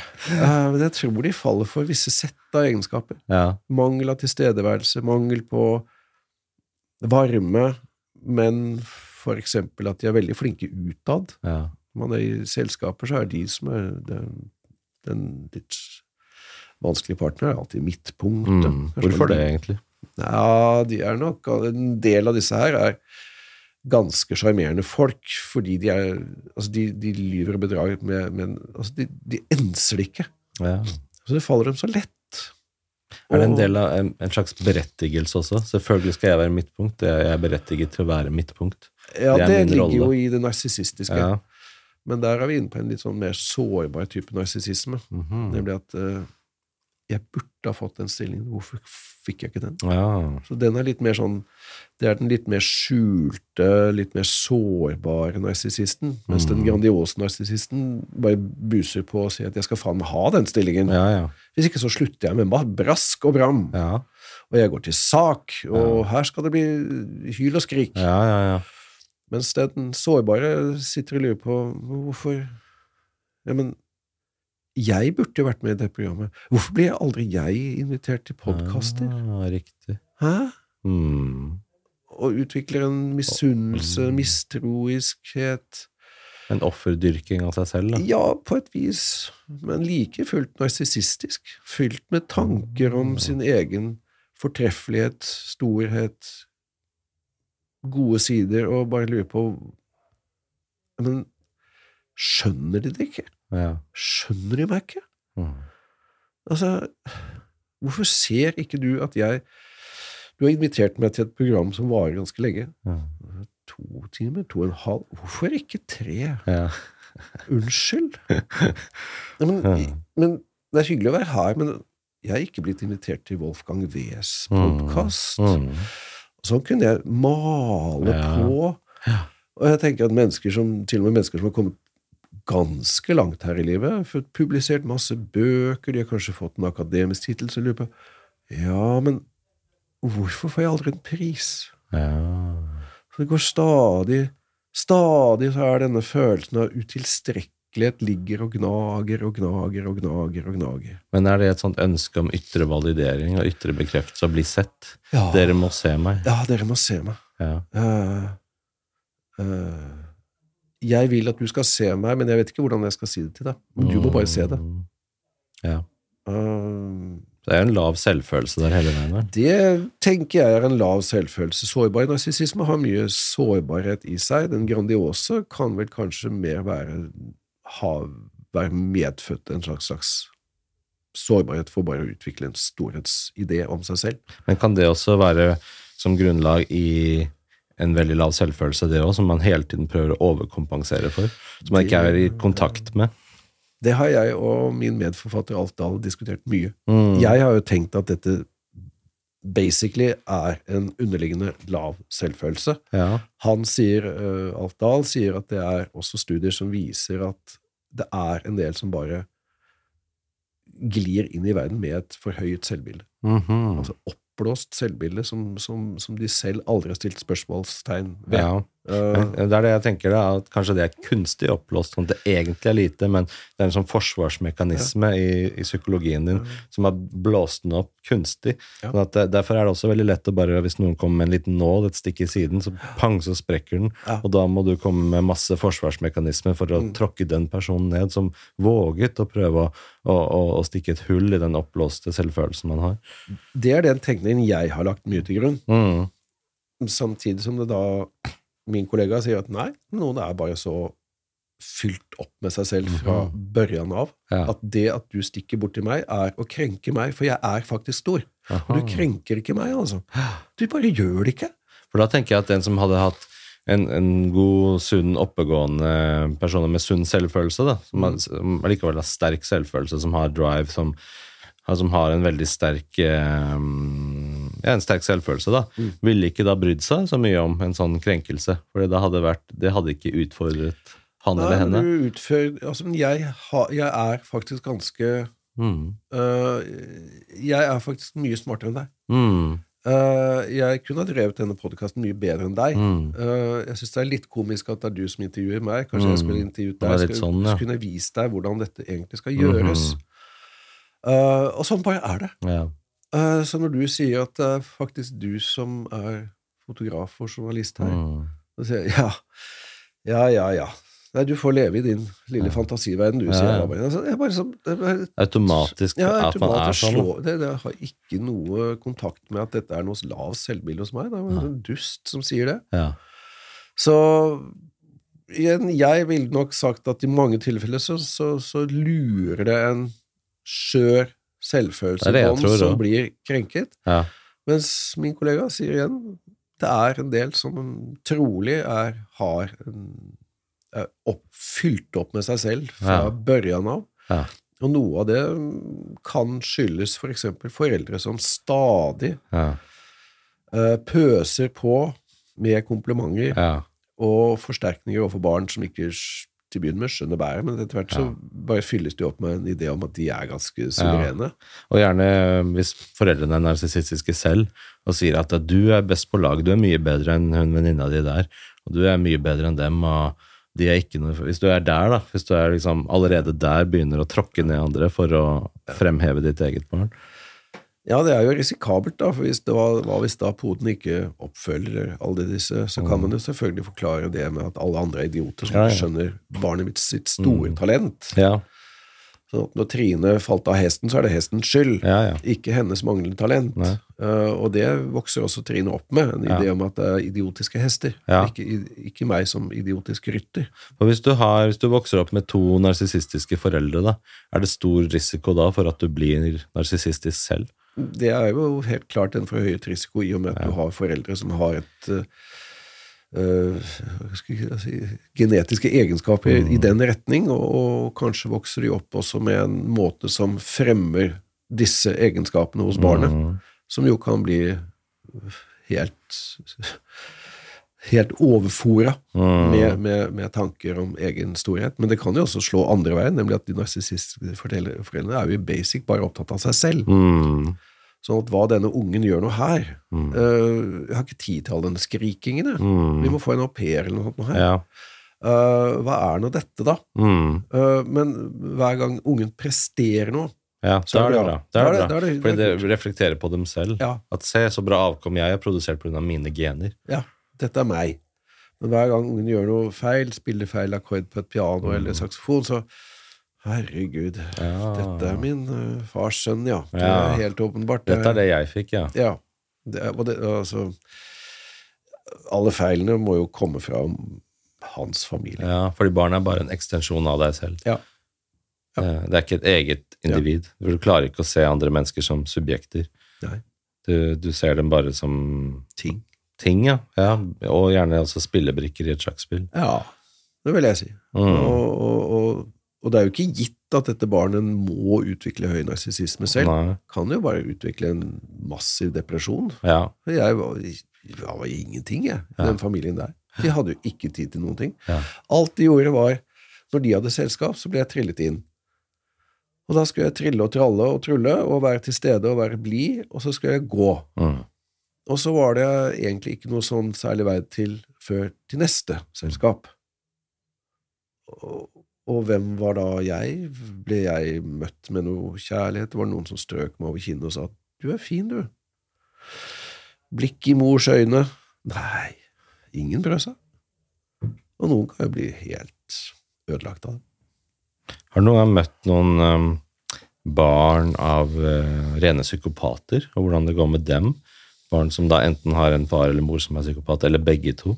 Har du opplevd noen sånn setting, Ja, hvordan det går med dem, egentlig? I voksen alder, ja. Ja. ja. Hvordan går det med dem, da? Hvordan, hvordan blir de? Å, de sliter. De gjør det. Ja, de sliter. Uh...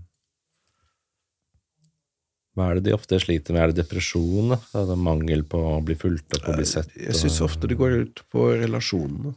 Mm. De vanskeligheter de har med å danne gode relasjoner med andre.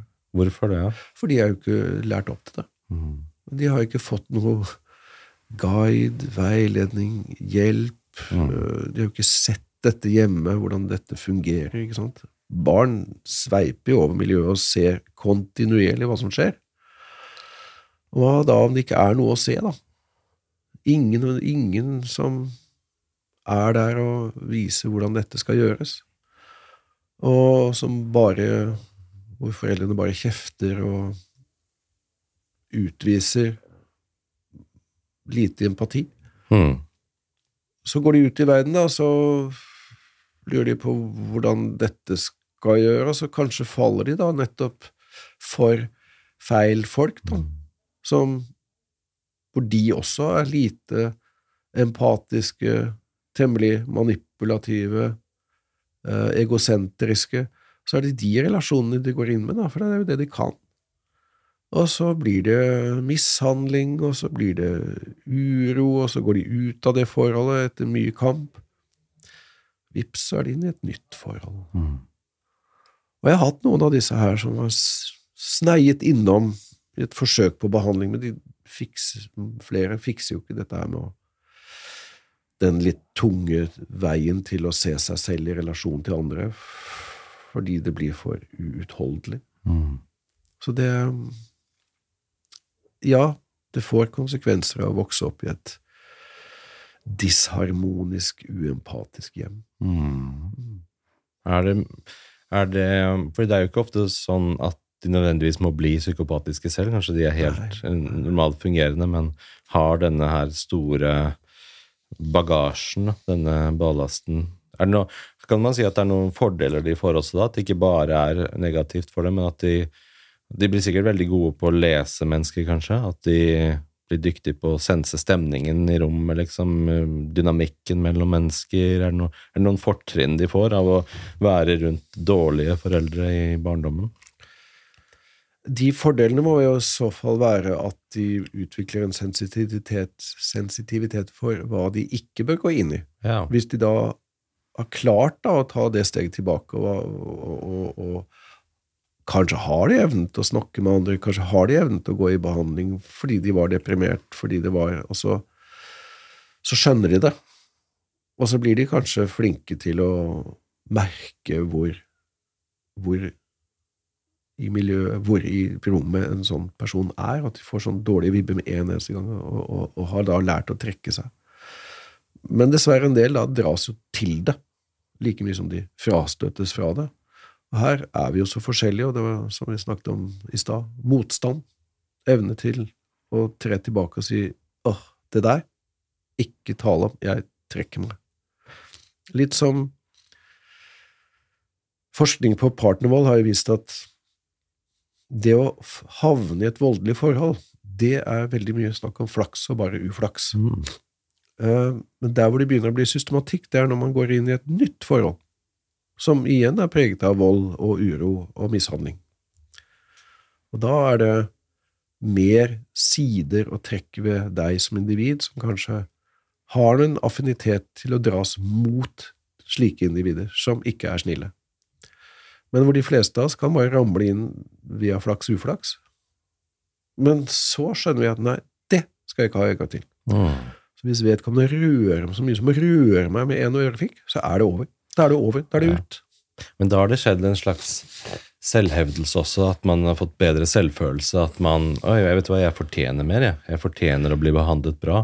Da har det jo skjedd et skifte der, hvis man har blitt sånn at fra å gå fra å være et offer, fra å være en som ikke fortjener noe, som fortjener å bli behandlet dårlig, så må man kanskje må man har blitt sterk da, i, i seg selv til å tenke at nei, jeg hva, jeg fortjener bedre. Eller du hadde det fra begynnelsen av. Ja. Men du har ramlet uheldigvis inn i et sånt forhold, Mm. og hvor du skjønner med en gang at ja, men sånn skal det ikke være. Mm. Fordi jeg har, jeg har lært selvrespekt hjemmefra. Sånn Mm. skal man ikke behandle meg. Man slår ikke folk. Man ja. bedrar ikke folk. Så dette skal jeg ut av. Nå er det nok. Og så går de ut. Hva er det folk kan kjenne det igjen på? La oss si det er noen lyttere her som kjenner seg igjen i dette, og kanskje er sammen med en psykopatisk partner eller en veldig narsissistisk partner, men som er litt sånn har ikke så mye kjennskap til disse begrepene, har ikke så mye kjennskap til dette, har ikke tenkt så mye over det, bare vet at du er i et kaotisk forhold og kan ikke så mye kanskje om psykologi og alt dette her. og Kan man gi dem noen tips til hva du kan måtte legge merke til eller se etter for om du er i et dårlig patologisk forhold, liksom? Hva hva er, det, de kan, hva er det du kan hjelpe dem med å si til dem? Hva er det du kan kjenne igjen? Det er ikke så lett. Mm. Og før jeg sier det, så er det for det første, som jeg har sagt før i dag eh, Alle er blitt lurt. Mm. Så det er ingen quick fix. Nei.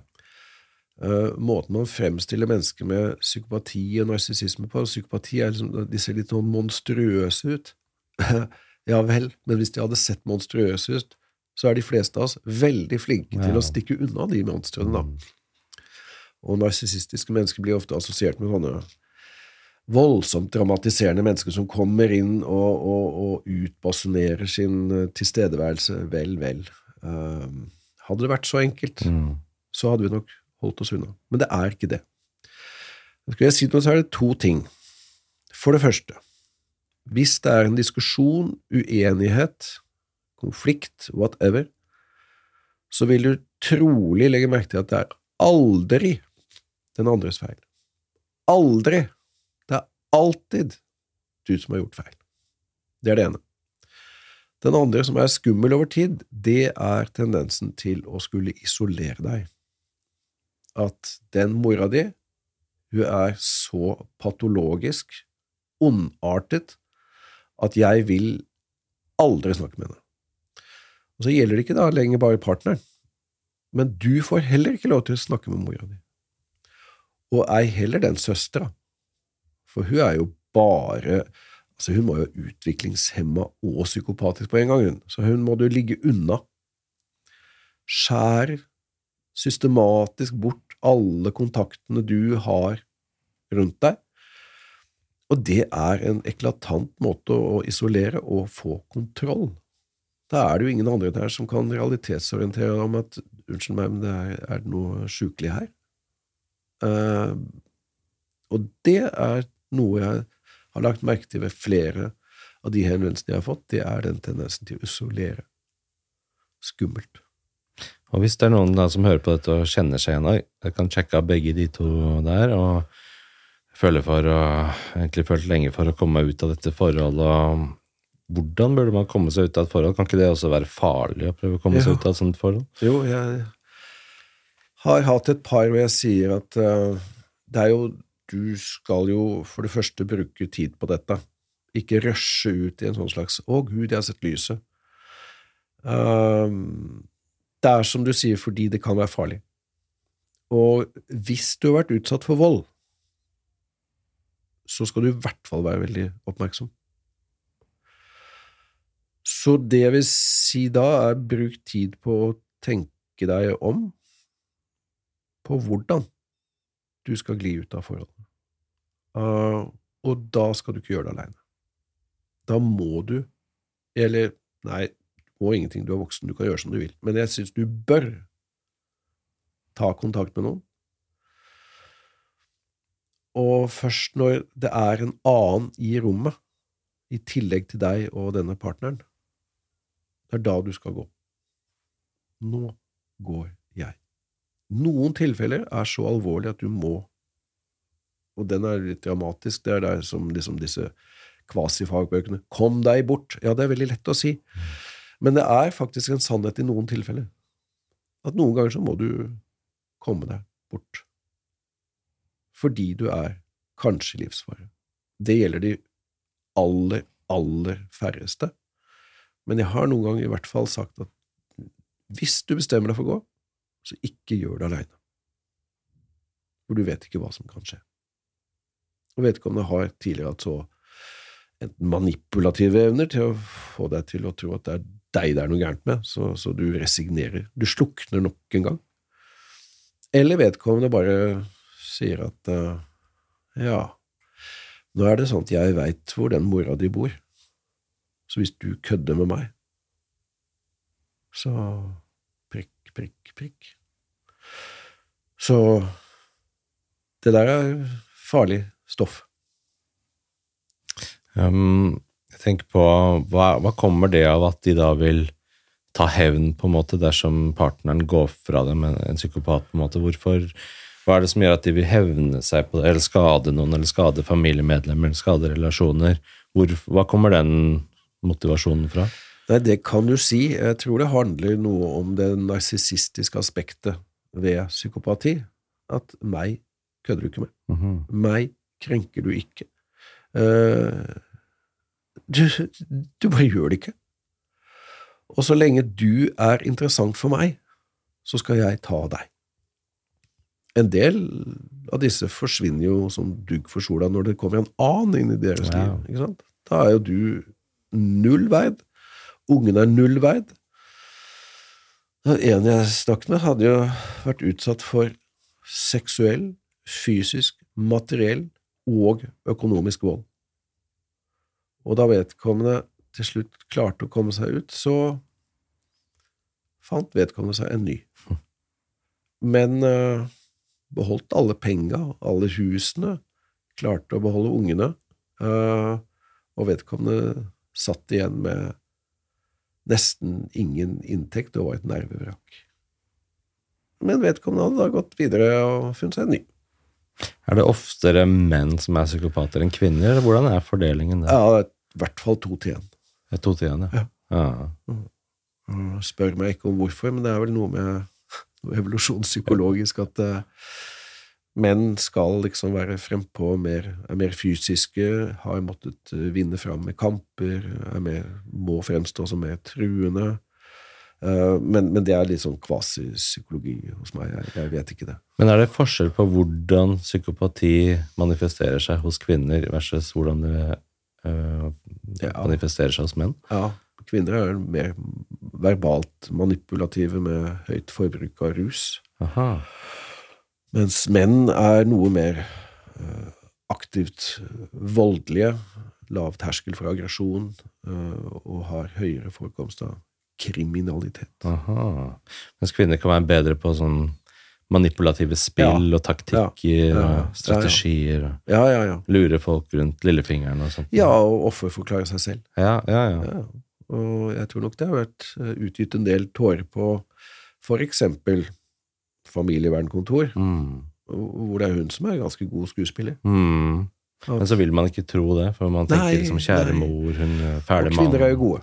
Og kvinner er gode. Ja. Og når man i utgangspunktet legger til grunn at ja, vi tenker jo godt om de fleste, Mm. så tenker vi vanligvis statistisk bedre om kvinner versus menn. Ja. For menn er jo så voldelige og slemme. Ja. Og så terskelen er veldig høy for å tenke hva i all verden er det med denne kvinnen her? ja. Eh, Jeg har et eklatant eksempel i Sverige som, het, som ble kalt Ar Arborga-kvinnen. Mhm. Fordi først så døde ektemannen på veldig mystiske måter. Saken ble etter hvert henlagt, men etterforsket igjen. Så drev hun et asylmottak, og der eh, kastet, hun- seg over de unge asylsøkende ungdommene. Og så gikk businessen dårlig, så da bestilte hun faktisk at en av disse gutta skulle dra hjem til foreldrene og, og, og drepe dem, ja. sånn at hun kunne få arven. Det er drøyt, altså. Så hun ble domfelt Wow. for uh, en serie med ting. Hun ble domfelt for uh, drap på sin far, drapsforsøk på mor, forsikringssvindel og, og, og dette med utnyttelse av uh, yngre gutter. Hun ble frikjent for det første mulige drapet på ektemann. Men det var altså Du snakker om klassisk historie, altså. Helt sinnssykt. Ja, det kan du si. Ja, det kan du si. ja.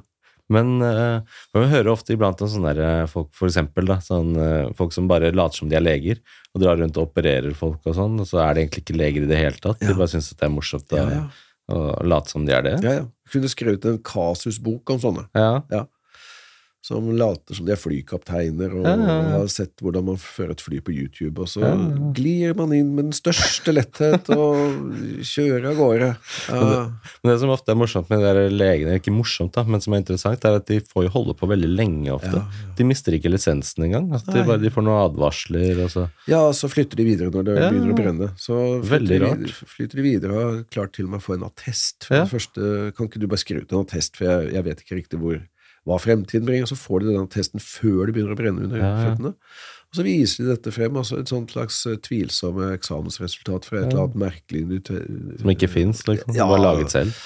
Universitetet i Bamberg, eller et eller Ja, de har vært der, og så har du bare godsnakket med ledelsen. Ja, om, kan ikke du bare gi meg noe eksamenspapir? Fått en sånn dataperson til å lage et eller annet sånn eh, smekre greier, da. Mm. Uh, og så er det igjen at vi har litt for stor tillit til de fleste, som jo jeg mener er bra i utgangspunktet, Ja. men hvor vi litt for lett lar oss sjarmere av en del mennesker. Og så har vi veldig høy tillit til leger i samfunnet. Ja, ikke sant? Altså, det, er jo, det ligger jo en litt sånn knerefleks i oss, at det er Mhm. visse mennesker vi har en slags litt større tillit til. Uh, og og, og, og det, det rammer jo skikkelige leger også, fordi at hvis de da blir straffet, så blir de straffet hardere enn andre. Ja. Det har det vært eksempler på. Mm. Og det er nok litt fordi at vi skal ha tillit til disse menneskene. Og fordi vi ønsker å ha høy tillit til dem. Ja, vi trenger den tryggheten. Ja. Det er faktisk noen der ute som, som jeg skal kunne henvende meg til, uh, og hvor det står om liv og død. Ja. Og prestene fordi det står mellom meg og Gud. Er det derfor de iblant er psykopater som søker seg til de yrkene? Fordi de vet at ei, nå får jeg mye makt over individet hvis de Det vi vet om psykopati og yrker, det er at de veldig ofte finner seg overordnede Ja. yrker. Nettopp. Det å stå nederst på samlebåndet med en sløy fisk, Mm. det er ikke Nei, nei. det er ikke der man De skal være innflytelsesrik. Ja, helst. Og helst i en lederposisjon. Utenom penger så er det gjerne makt og innflytelse som er interessant. Ja, helst. Mm. Helst det.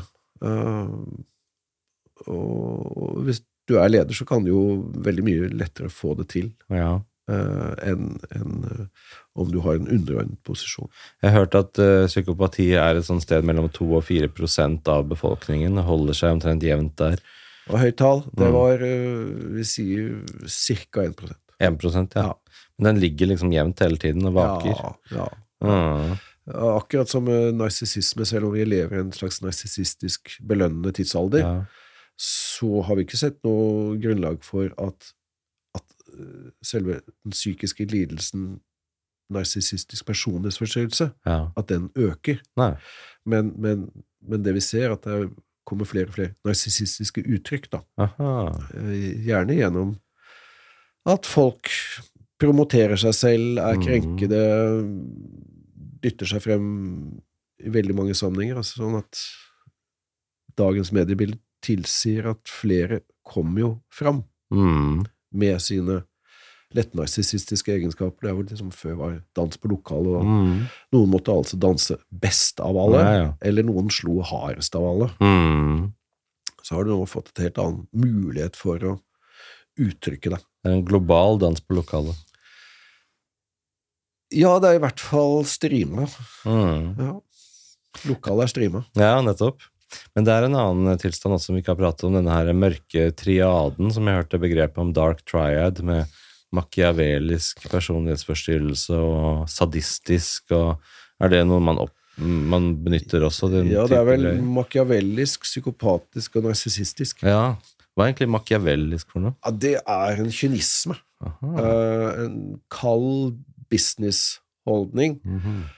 om at uh, for å få et samfunn til å fungere, så må du faktisk uh, bare kjøre i vei her.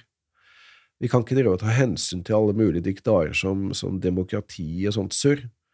Eh, Vi skal ha det velfungerende, vi skal ha høy inntjening, og da gjør vi det sånn. Mhm. Mm, så det er en sånn slags businessmessig kulde Mhm. som hvor for å nå et høyere gode, som ja, litt sånn Du kan ikke lage en omelett uten å knuse egg. -hmm. Uh, så hensikten helliger middelet. Ja, nettopp. Litt sånn kommunismeaktig, litt sånn Mao. Ja, på den ene siden kommunisme, på den andre siden fascisme. Ja. Altså, du har denne hesteskoteorien om at de ekstreme retningene, enten det være seg ultrakommunisme eller ultrafascisme, er ganske like hverandre da, Mm. i, i, i sine uttrykk. Begge er totalitære og, og, og, og undertrykkende. Mhm. Du stiller bare ikke spørsmål. Ja. Sånn er det bare. Ja. Uh, så ja. eh, man kan godt si at disse berømte diktatorene som Stalin, Hitler, Mao, Pol Pot Alle har vel hatt sterke trekk av eh, paranoiditet og psykopati og mye machiavellisk Ja. tenkning. Det er veldig mye som jeg føler eh, går over i hverandre, alle disse diagnosene. Det er på en måte nesten Ja, samme greie sett fra forskjellige perspektiver. ja og for forskjellige uttrykk. ja forskjellige uttrykk. Ja. Hva med dette som heter borderline? Det er også skjønt. ja, det er noe helt annet. Ja, det er det. Ja, borderline er den amerikanske uttrykket for det vi i Norge kaller ustabil personlighetsforstyrrelse. Ja. Og det er nok mye mer Det er en helt annen forstyrrelse i form av at du har et veldig skiftende selvbilde. Du vet ikke riktig hvem er jeg nå, hva, hva, hvor skal jeg Jeg vet ikke riktig hvem jeg er, jeg, altså, men uh, uansett så er jeg ganske forbanna hele tiden. Mm. Uh, og ja Veldig rasende, veldig kampinnstilt, uh, veldig destruktive. Både selvdestruktive og destruktive overfor andre. Mhm. Mye rus. Uh, hadde en som kom inn etter tolvte konsultasjon, så tror jeg han hadde to brudd som han kom med. Og da var det jeg tenkte, i all verden Og da, ja, da kom det tredje. Så sa jeg, du, nå skal jeg si noe som gjør at enten så kommer du aldri tilbake, eller så blir du her ganske lenge. Jeg tror du har en ustabil personlighetsforstyrrelse, og den fungerer nettopp ved at du har et veldig skiftende selvbilde. Du, du vet faktisk ikke hva du vil, og du frustreres av det. Du har selvdestruktiv atferd. Jeg tror du ruser deg innmari mye. Jeg tror du lett kommer i konflikter med andre. Han ble helt stille, og så stirret han på meg sånn Hvorfor i helvete har ingen sagt det til meg Mm. før? Jeg har vært på bupp og dupp og ditt og Mm. datt, og så ingen har sagt det! Og han ble lenge. Han klarer seg fint. Så bra. Ja, det er flott. Jeg tar jo bare fram mine seire. For jeg, for jeg så det i forhold til um, Du har det som heter cluster A og B og C. Ja. Så så jeg at cluster B så putter jo det i samme kategori som psykopati og narsissisme, og så har du jo borderline der også. Er det noen grunn til det, på en måte, at det er kategorisert i samme?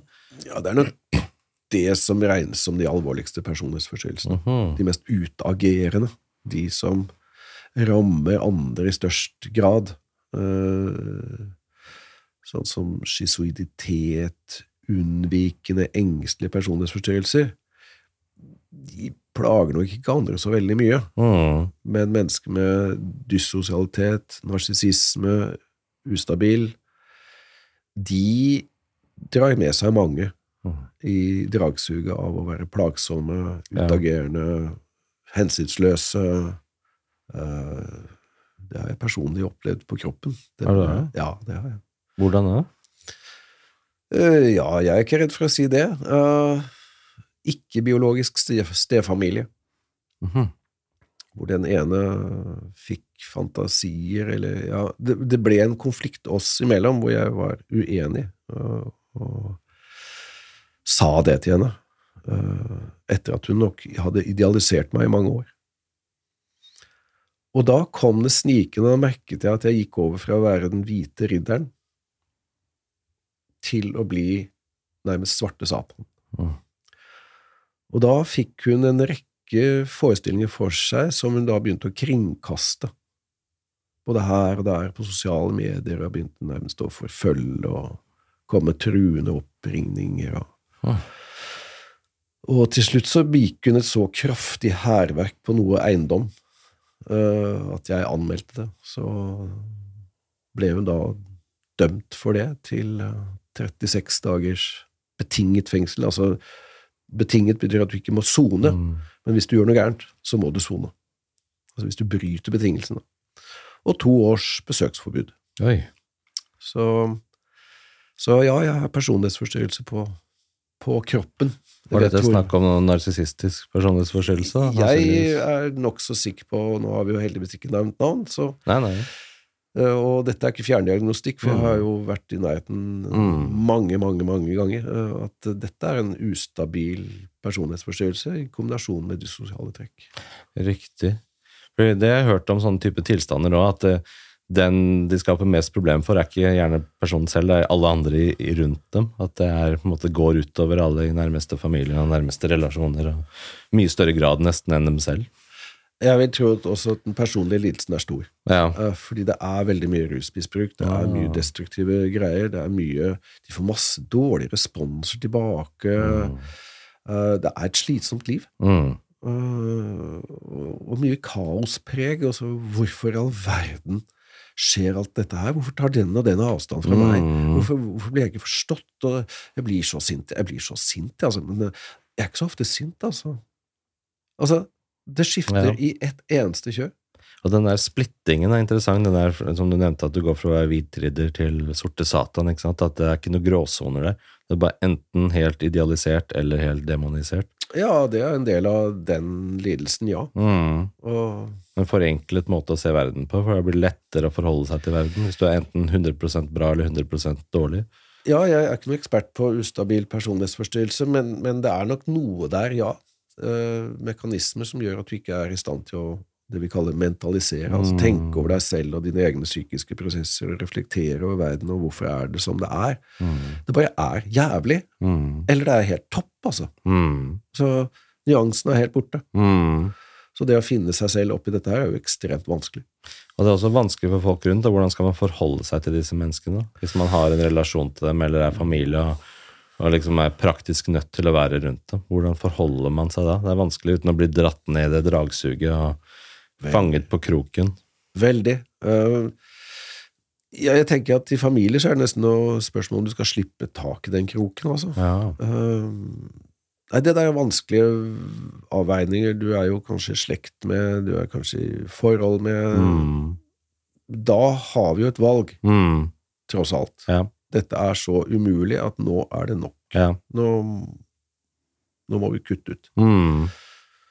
Noen har jo forsøkt å sette inn regler at vi kan treffes, Mm. men hvis du begynner med sånn og sånn, så går jeg med en gang. Mm. Da skal du gå et halvt år til neste gang. Ja. Så er de helt konsekvent på det. Mm. Noen få får til det. Ja. Uh, mens andre velger da å bli vel vitende om hvor masse bråk det blir. De Ja.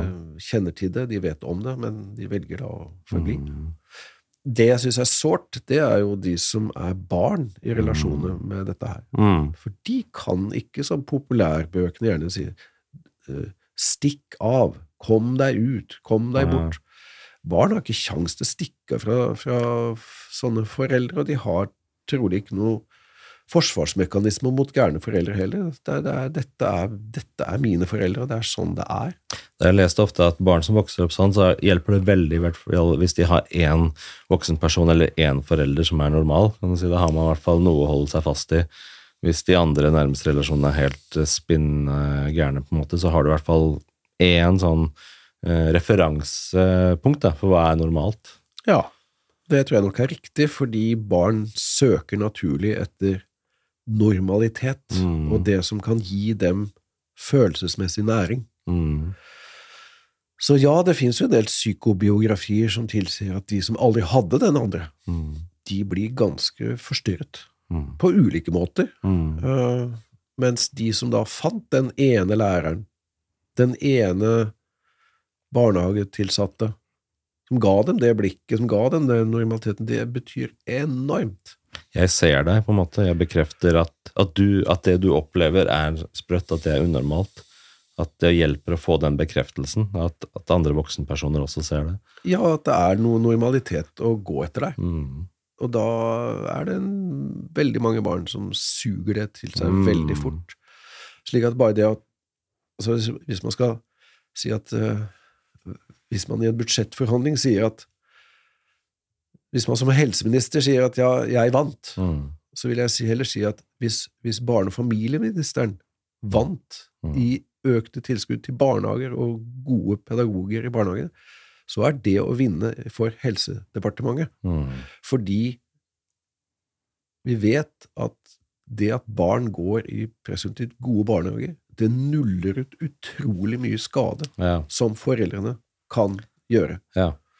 Det gjør, det ikke, gjør jo ikke disse menneskene til noen supersosiale, dyktige folk, men, men, men det tar bort veldig mye av den skaden som en del foreldre kan påføre sine barn. Mm. Barna søker mot miljøer som er gode, og som gir dem trygghet, varme og respekt. Det kan, det kan gjøre mye for et barn. Hvis man skulle sagt noe sånn helt på slutten her eh, Vi skal runde av nå, men hvis det er noen barn eh, eller som har vokst opp da, i sånn type hjem med veldig mye narsissisme og psykopati og, og blitt eldre nå, hva, hva er det de burde gjøre på en måte hvis de sliter mye? Hva er det de, burde de søke behandling? Burde de tenke på en annen måte om oppveksten sin, eller har, har vi noen råd til hva de kan gjøre? Nei, det første jeg ville tenke, er hvis Prøv i hvert fall bevisst å tenke at det der var ikke din skyld. Mm. For veldig mange tror at det er min skyld. Og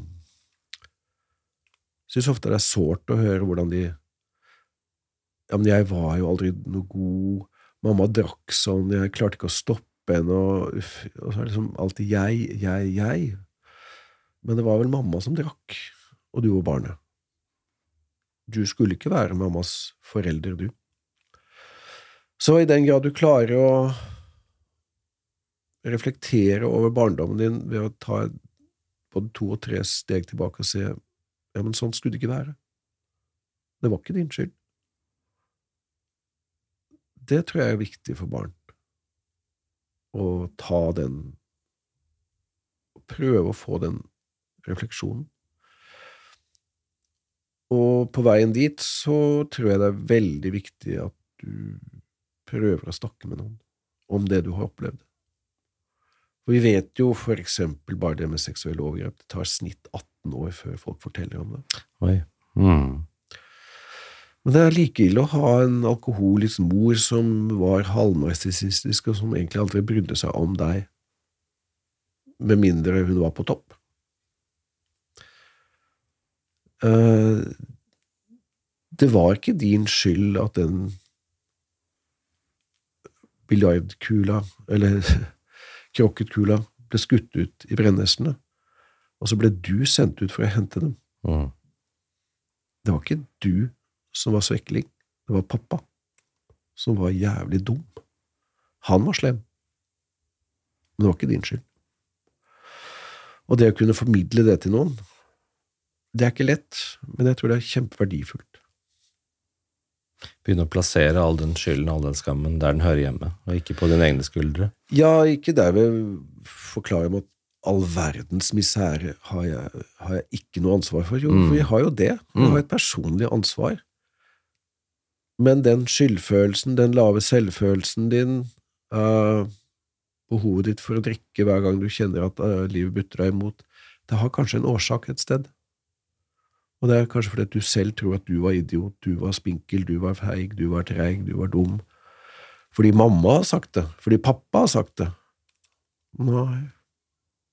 Nei. Det var ikke din skyld. Pål, tusen takk for at du var med i podkasten her. Lærerikt, interessant, fascinerende. Veldig hyggelig. Mm, selv takk.